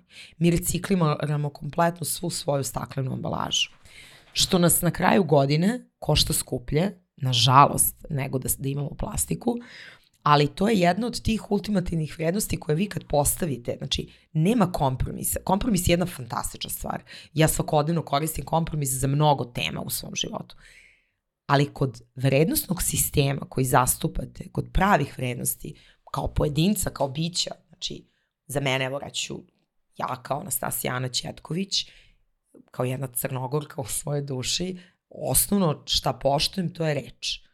Reč koja mi je data i reč koju ja dajem. Ja stojim iza svake svoje reči i trudim se maksimalno da ništa ne obećavam što ne mogu da ispunim.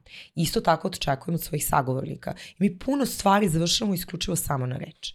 E tako smo mi u, u Silose i u naš ceo projekat utkali te neke vrednosti. I čak te vrednosti, ovaj, pošto se podudaraju sa Bushido kodeksom koji ja jako volim i cijelu tu japansku filozofiju, imaćemo ih kao jedan od morala. Evo, ovaj, jako bi volili to sa Artezom da radimo. Artez je jedan od naših najpopularnijih i najpoznatijih muralista. Želimo da uradimo te čuvare, te samuraje i taj kodeks samurajski gde će biti ispisan na japanskom i na srpskom. I to su reči koje mi svi često koristimo, to je čast, na primjer, to je lojalnost. Vrlo bitne reči. I ono što smo mi utkali u silose, to je zajednica. Znači zajednica se kreira uvek i jedino oko neke zajedničke teme. Znači naša tema su, to jest naše četiri teme su one teme na kojim smo mi osnovali Gaia pokret i koje mi kroz sve šta radimo komuniciramo. Znači, mi nemamo samo kafić, mi komuniciramo i reciklažu kroz naš kafić. Mi nemamo konobare, imamo barmene. Potpuno je okej okay da dođete i da sačekate i 15 i 20 minuta na svoju kafu. Zato što mi ne komuniciramo brzi život. Komuniciramo jedan usporeniji život.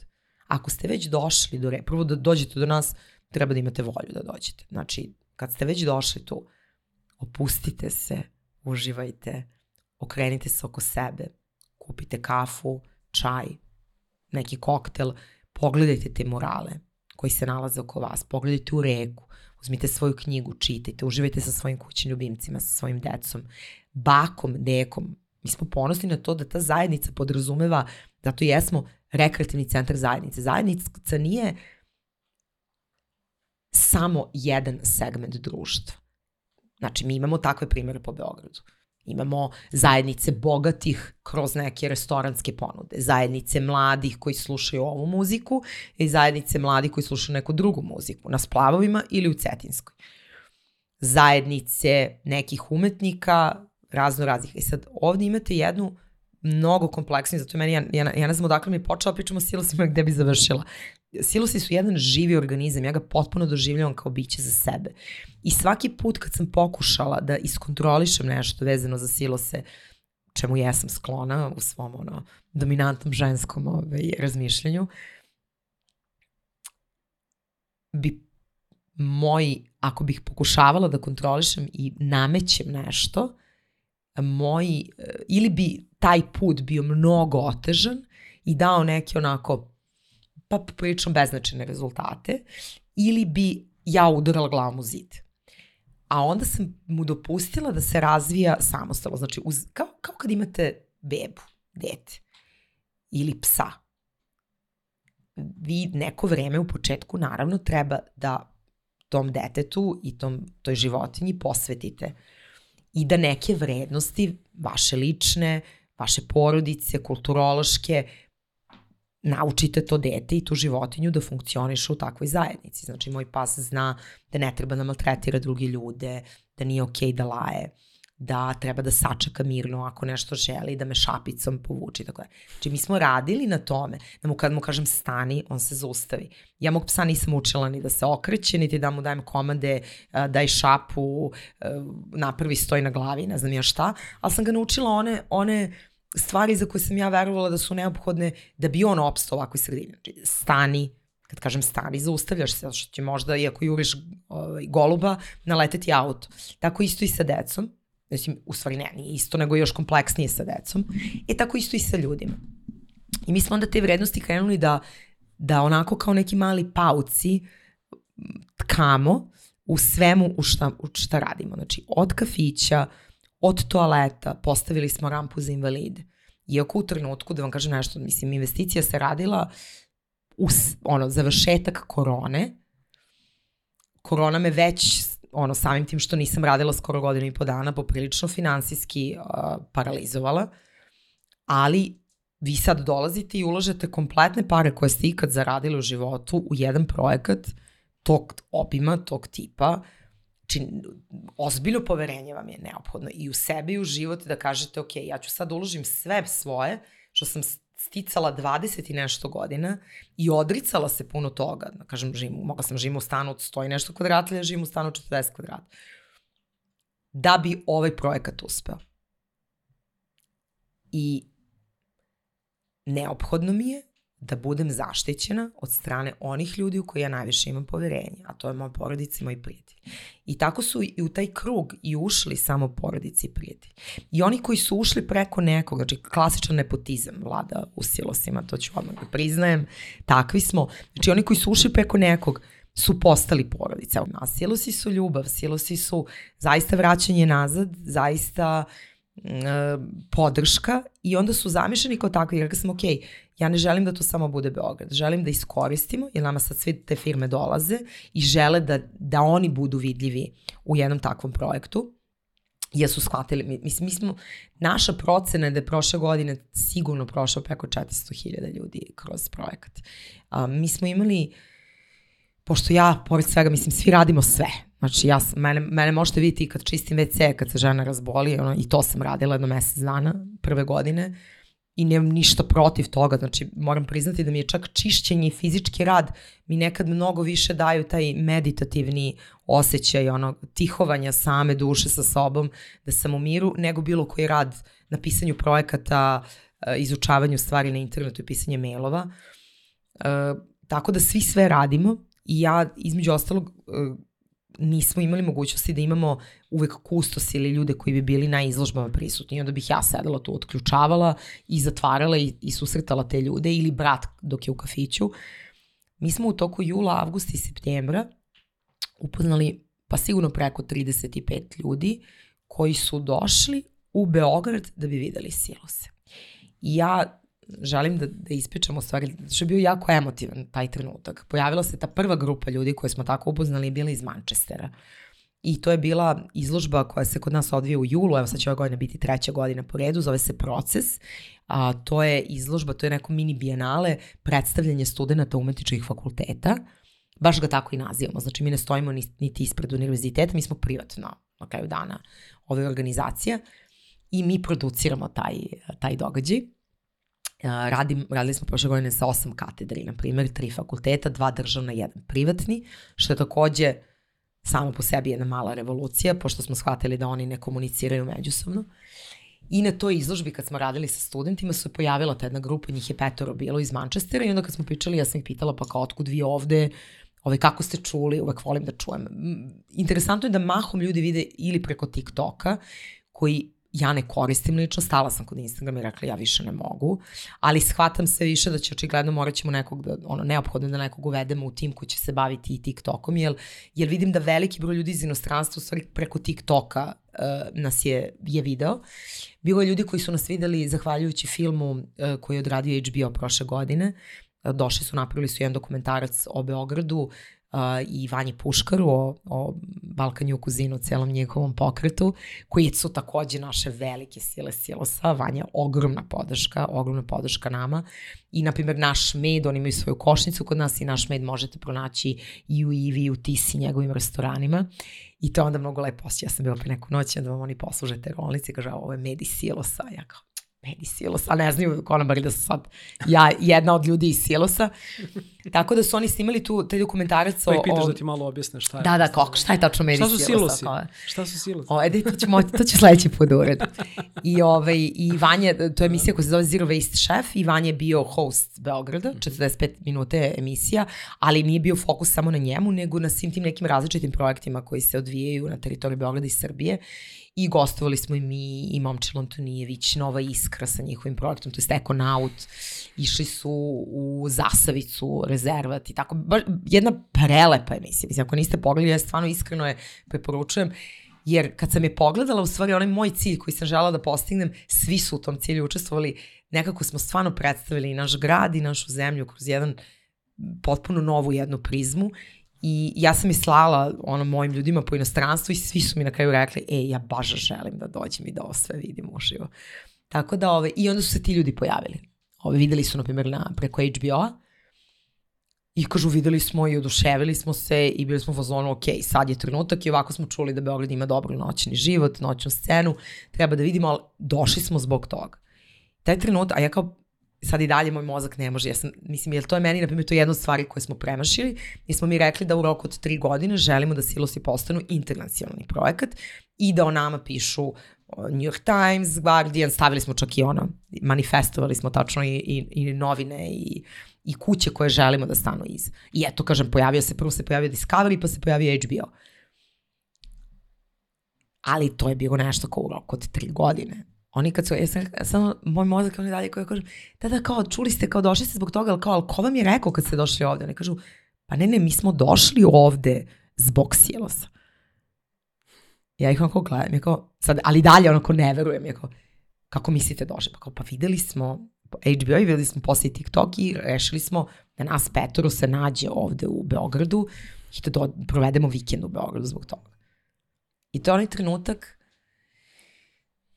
mislim koji je podjednako bitan kao i ta bakica koja kaže da se budi nada kada ugleda taj mural. Ja mislim da nisam dobila nervni slom, ali najbliže nervno slomu sam bila, ono, iz najbolje moguće, jer i pozitivne emocije mogu i tekako da vas ukanale ponekad. Ja sam blokirala, ja, ja sam počela da plačem i nisam mogla bukvalno nisam mogla da dišem od uzbuđenja, zahvalnosti, sreće, da sam to doživela, jer za mene je to bilo ultimativno ono zbog čega sam ja krenula ovaj projekat. To je da kažem, meni puno ljudi dolazilo, ja imam toliko prijatelja po inostranstvu, kad dođu ovde ja imam tačno sve lokacije gde vodim ljude, gde da jedu, šta da vide, šta da čuju. I uvek nekako sam želela da imamo što više tih projekata na koje smo ponosni. I ti projekti su postojali, to je Festival Supernatural, mm. to je Mixer, Mixer House, velika inspiracija, Festival 9 u, u Ciglani, znači, ali su uvek bili u nekom domenu exit festivalskom, u muzičkom dijelu ili u nekim su malo tu koketirali sa dizajnom, sa arhitekturom, ali puno se puta to opet svodilo na taj neki ugostiteljski deo na kraju i nisu imali onaj uh, kroz tokom cele godine uh, ovaj uticaj, što je meni nedostaje. I ja sam nekako želela, jer zaista sam verovala u ovaj grad i, i, i mislim i odgovorno tvrdim da mi imamo fantastične ljude, neverovatne projekte koji se rade u našoj zemlji, kojih puno nas nije ni svesno, jer oni, puno ljudi ni ne želi da se eksponira, zato što bilo kakva vrsta eksponiranja u našem društvu, ono vodi opet kulturološki šta se hvališ, pod broj jedan, jer meni je dugo, dugo trebalo da naučim da, da je okej okay pohvaliti se, jer ja stvarno radim ozbiljno... A posebno kad radiš nešto u što veruješ. U što veruješ da, da. i vrlo sam ponosna na plodove svog rada. A puno mi je bilo potrebno da mogu da kažem za sebe da sam matica. Jer u početku kad su me oni tako zaista, jo, nemoj tako neko te čuje. Znaš šta, neću da ljudi pomisle sada sam ja tu neka kraljica, matica, kao ne, nema veze s tim, ono. Matica, kao što sam rekla, pumpa život ceo dan i ni malo joj nije lako u ulozi u kojoj se nalazi ali dobro, izlaziš na kraj s tim. I pa izlazim, ali zahvaljujući, kažem, svim tim ljudima koji su podrška, jer samostalno, da, da, rekla sam, sistem te ubeđuje u to da ti kao pojedinac ne možeš da menjaš, možeš da budeš inicijator promena. Mm. I, te, I to je od trenutka kad se probudiš ujutru, kako ćeš odlučiti da, se, da komuniciraš sa svojim sugrađanima, da li ćeš da od ljudi koji rade u tvojoj prodavnici da kažeš dobar dan izvolite, hvala, da se nasmeš, da nekome ulepšaš dan, da ga prepoznaš do toga kako ćeš u nekoj konfliktnoj situaciji da budeš možda onaj e, glas razuma koji će izvući stvar na, I... na bolje.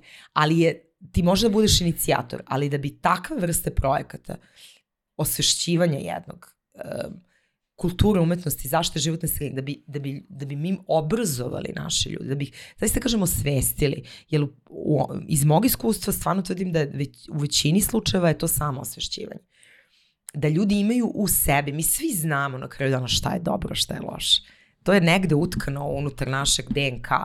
Ne može niko, znamo da je krađa loše. Mm. I sad, okej, okay, nekome prolazi, nekome je okej okay da živi sa time, neko ne veruje da to što radi može da ima uticaj na njegove sutra, uh, sutra na njegovu decu, ja verujem da i tekako može. I mi imamo jednu lepu rečenicu koja se koristi da unucima trnu zubi od kiselog grožđa koje preci jedu. I to se stvarno događa. Tako da, um, Ovo što sve sa što si ispričala me zapravo divno uvodi u poslednje pitanje, Hajde. a, koje bih imao za krajeve naše današnje bogate razmene. I puno je... tema koje, ja se izvinjam ako nisam završila, eto, morate doći u silose, da, pa da, da na licu mesta pa, vidite. Pa, da, mislim da zaista dobar deo ovih tema jeste da se dožive. Zaista, zaista je neophodno da se zaista dožive, da ljudi, da. da ljudi dođu tamo, ali sad evo, slušajući te dok pričaš o svemu ovome i evidentno je da uložiš ogromnu količinu energije da, da održiš sve to i da manifestuješ. I ljubavi. I ljubavi. Ljubavi, puno ljubavi. Da, primarno, pa mislim energija pre svega u formi ljubavi. Yes. Um, kako izgleda život Anastasije van silosa? Znači kada napustiš malo ovaj, okrilje te svoje košnice kreativnosti, odnosno šta su, šta su te neke stvari kojima ispunjavaš, da, neka iskustva ili neki, da kažem, aktivnost ili šta već što te, što te puni da ti kasnije možeš toliko energije da kanališeš u same silose? Pa, nekada kad sam krenula da radim, verovala sam da čak sam i koristili tu rečenicu puno puta čujem, ja da, znaš, u poslu ja sam ovakva, ovakav sam ovde. I to je neminovno, zato što mi kad mladi ulazimo, ja sam jako rano počela da radim, i kad ulazimo mladi u posao, mi se prilagođavamo opet tom nekom sistemu, pravilima poslovanja, posebno u korporaciji. Mislim, ti tu ne možeš da opstaneš kao individua u početku ako se nisi prilagodio. Već kasnije, kad ti postaneš tu neka zvezda i dobiješ neku ekspertizu, ljudi ti gledaju kroz prste i onda si ti taj koji postavlja ta neka pravila i posebno kad dođeš u poziciju, ja sam otišla iz korporacije sa pozicije znači GM-a, znači osobe odgovorne za celu Evropu, za kompletnu operaciju. Um, I ja sam tada onda ukopirala u jednom trenutku, mislim, mi svi danas, mi živimo naše poslove. Ako pogledamo realno broj sati koji se koristi na poslu, nekad je bio onaj 8 sati, u modernom vremenu zna da bude i više, mi se neminovno zbližavamo sa tim ljudima sa kojima radimo. Uh, oni postaju naša nova porodica, novi prijatelji. Jako je bitno da radimo stvari koje volimo. I kad radimo stvari koje volimo i u koje verujemo, a posebno kad znamo da te stvari utiču na ljude oko nas i na kvalitet života jednog cijelog društva, onda to stvarno nije posao. Ja, ja ne mogu da posmatram silose kao posao i ne mogu više da podelim taj deo, jer kad se uđe u neke godine, to opet iskustvo i razvitak, što je normalni ljudski. On, Jung ima one kategorije svoje kako se deli zdrav razvoj jednog pojedinca. I ti negde od posle 35. po toj nekoj njegovom, ovaj, njegovim učenjima, mi svi ulazimo ponovo u pitanje šta ja to radim i na koji način ostavljam iza sebe. Znači, ako se razvijemo kao zdrav pojedinac, neminovno je da dođe do tog pitanja. Jer mi kao deca smo u egu, verujemo da se cijel svet vrti oko nas. Nažalost, mnogi ne izađu iz tog verovanja, možemo da vidimo, pune su televizije i novine takvih pojedinaca. Mnogo mi ih je žao, zato što je mnogo lepo biti odrasla jedinka, koja mhm. vlada svojim životom, svojim postupcima, stvarima kojima, koje joj se dešavaju. I onda je ta, jed, ta ta linija između mog profesionalnog i mog privatnog se izgubila zato što sam težila ka tome da ono što govorim živim i da živim onako kako govorim. Uh, I to je to. Ne postoji, Ana, ok, naravno, ja ću možda u, u domenu svojih najbližih dopustiti sebi da opsujem, desi mi se mislim i psovka je nešto što je kulturološki vrlo specifično za našu sredinu. I to neću raditi u javnosti, posebno neću raditi pred decom kad imamo te letnje kampove, na primjer, ili srednjoškolce, kad imamo studente, trudiš se da budeš u nekom svom tom najreprezentativnijem delu. Ali mislim da kad se ta linija izgubi, kad mi u svojoj suštini, apsolutno u svim domenima svog života, u svom privatnom odnosu, partnerskom odnosu, prijateljskom odnosu, odnosu sa svojim roditeljima, sa svojim bratom, sa svojim sestrama, komšijama. U svemu se trudimo da budemo što više autentično mi, onda više ne postoji Ana van silosa i Ana u silosima, jer Ana su silosi. Ja sam utkala u silose uh, svoj vrednostni sistem, koji opet nije ekskluzivno moj, to je vrednostni sistem to su teme koje su izašle iz jednog kolektivnog i sistema i koje su tu oduvek. Ja sam ih samo nekako suzila u nek, nekom polju delovanja na način na koji ja mislim da je dobro. Punim se kroz svoje ljude, kroz moju porodicu, prvenstveno i moju datu porodicu. Znači, evo kažem, pomenula sam malo pre neki od svojih saradnika. Anja je jedna od mojih najboljih drugajica koju većina ljudi kad ju upoznaju misle da smo sestre, se mi predstavljamo kao sestre i bez koje ja ne bi mogla zamisliti ovaj život u obliku kakav jeste. Ali e, šta znači, ja sebe smatram ratnikom. Ja čak na, na mom Instagram profilu čak piše she warrior, zato što sam, jesam ratnica. Treba biti dovoljno lud i imati ideale i boriti se u današnjem društvu za stvari kao što su obrazovanje, kultura i umetnost, zašto životne sredine. Ali evo, uspevaš. I stvarno...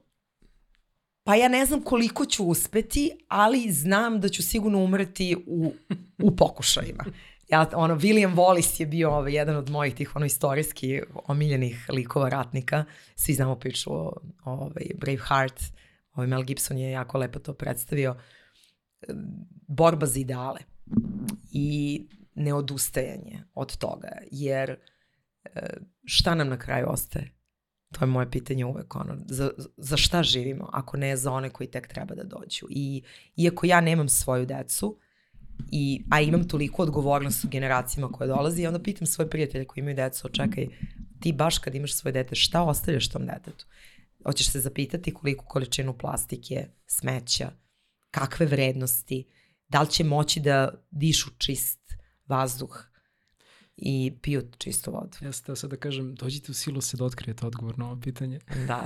pa ne, ne, ne, da, ne, ovaj- baš na ovo pitanje je teško, ali na neka druga pitanja moguće. Dobro, jeste. Dođite Kako da možemo... se sretnete sa ljudima da, koji da, da. dele vaše vrednosti, ako se prepoznate u bilo kojoj od ovih tema koje sam navela, ako želite da budete opušteni, odmorni, da nađete mesto i za sebe, i za svoju baku, deku, a, za svoju bebu, kuće, mačka, evo imamo i mačke koje dolaze u rančevima i na uzicama, ne znam, neku i kozicu ako bi doveo, ja bi bila jako srećna da je vidim, ali ako, ako želite takvu zajednicu gde se pravo svih njenih pojedinaca poštuje, pravo na postojanje, na drugačije razmišljanje, pravo na ljubav, a, onda smo mi pravo mesto za vas.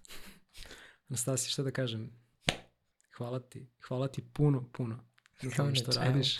Ja se nadam da sam odgovorila, ja znam koliko opširno sam, jel, se, ono teme su velike. Radim se da, pa pazi, pokrenuli smo ih toliko, nadam se da ćemo možda nekoj, u nekoj prilici novoj pričati o nekoj konkretnoj ovaj, možemo to uvek, uvek imamo prostora za tako nešto. Ja sam inače kosmičke putnike baš i pokrenuo, jedna od ambicije je bilo upravo to da se da da se ponudi neka alternativna percepcija nečega i vrednosti. Iskreno se nadam da će iz ove naše epizode, pošto smo u njoj dali mnogo, neko moći da izvuče to neku koristi i da, da napravi, da najpre uvidi da stvari mogu da se odviju na neki drugačiji način, čemu se ja uvek Za našu nadam. decu, ali zaista. Da, I za naše, za decu, sa, ako mogu samo jednu stvar da dodam, i posebno za, za naše seniore i za naše stare.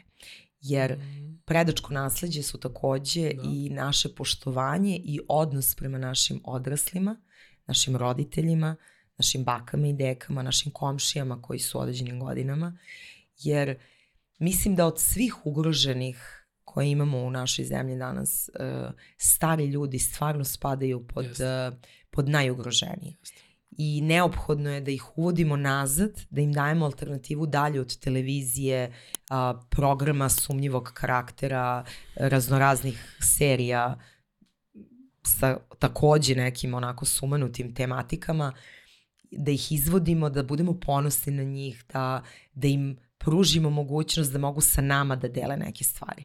Silusi su idealno mesto za to. Mi pravimo programe koji su koji su u fokusu na naše penzionere, gde naši penzioneri mogu da izložu svoju umetnost, svoje radove, gde mogu da dođu, provode vreme, gde puštamo, imamo događaje na kojima puštamo muziku 60-ih i 70-ih, onako vrlo retro, ovaj, ali je neophodno da, da svi shvatimo da, da ima mesta za sve ali je treba da se poštujemo. Od malog deteta, psa, mačke, biljaka koje nas okružuju, pa do svih naših starih ljudi.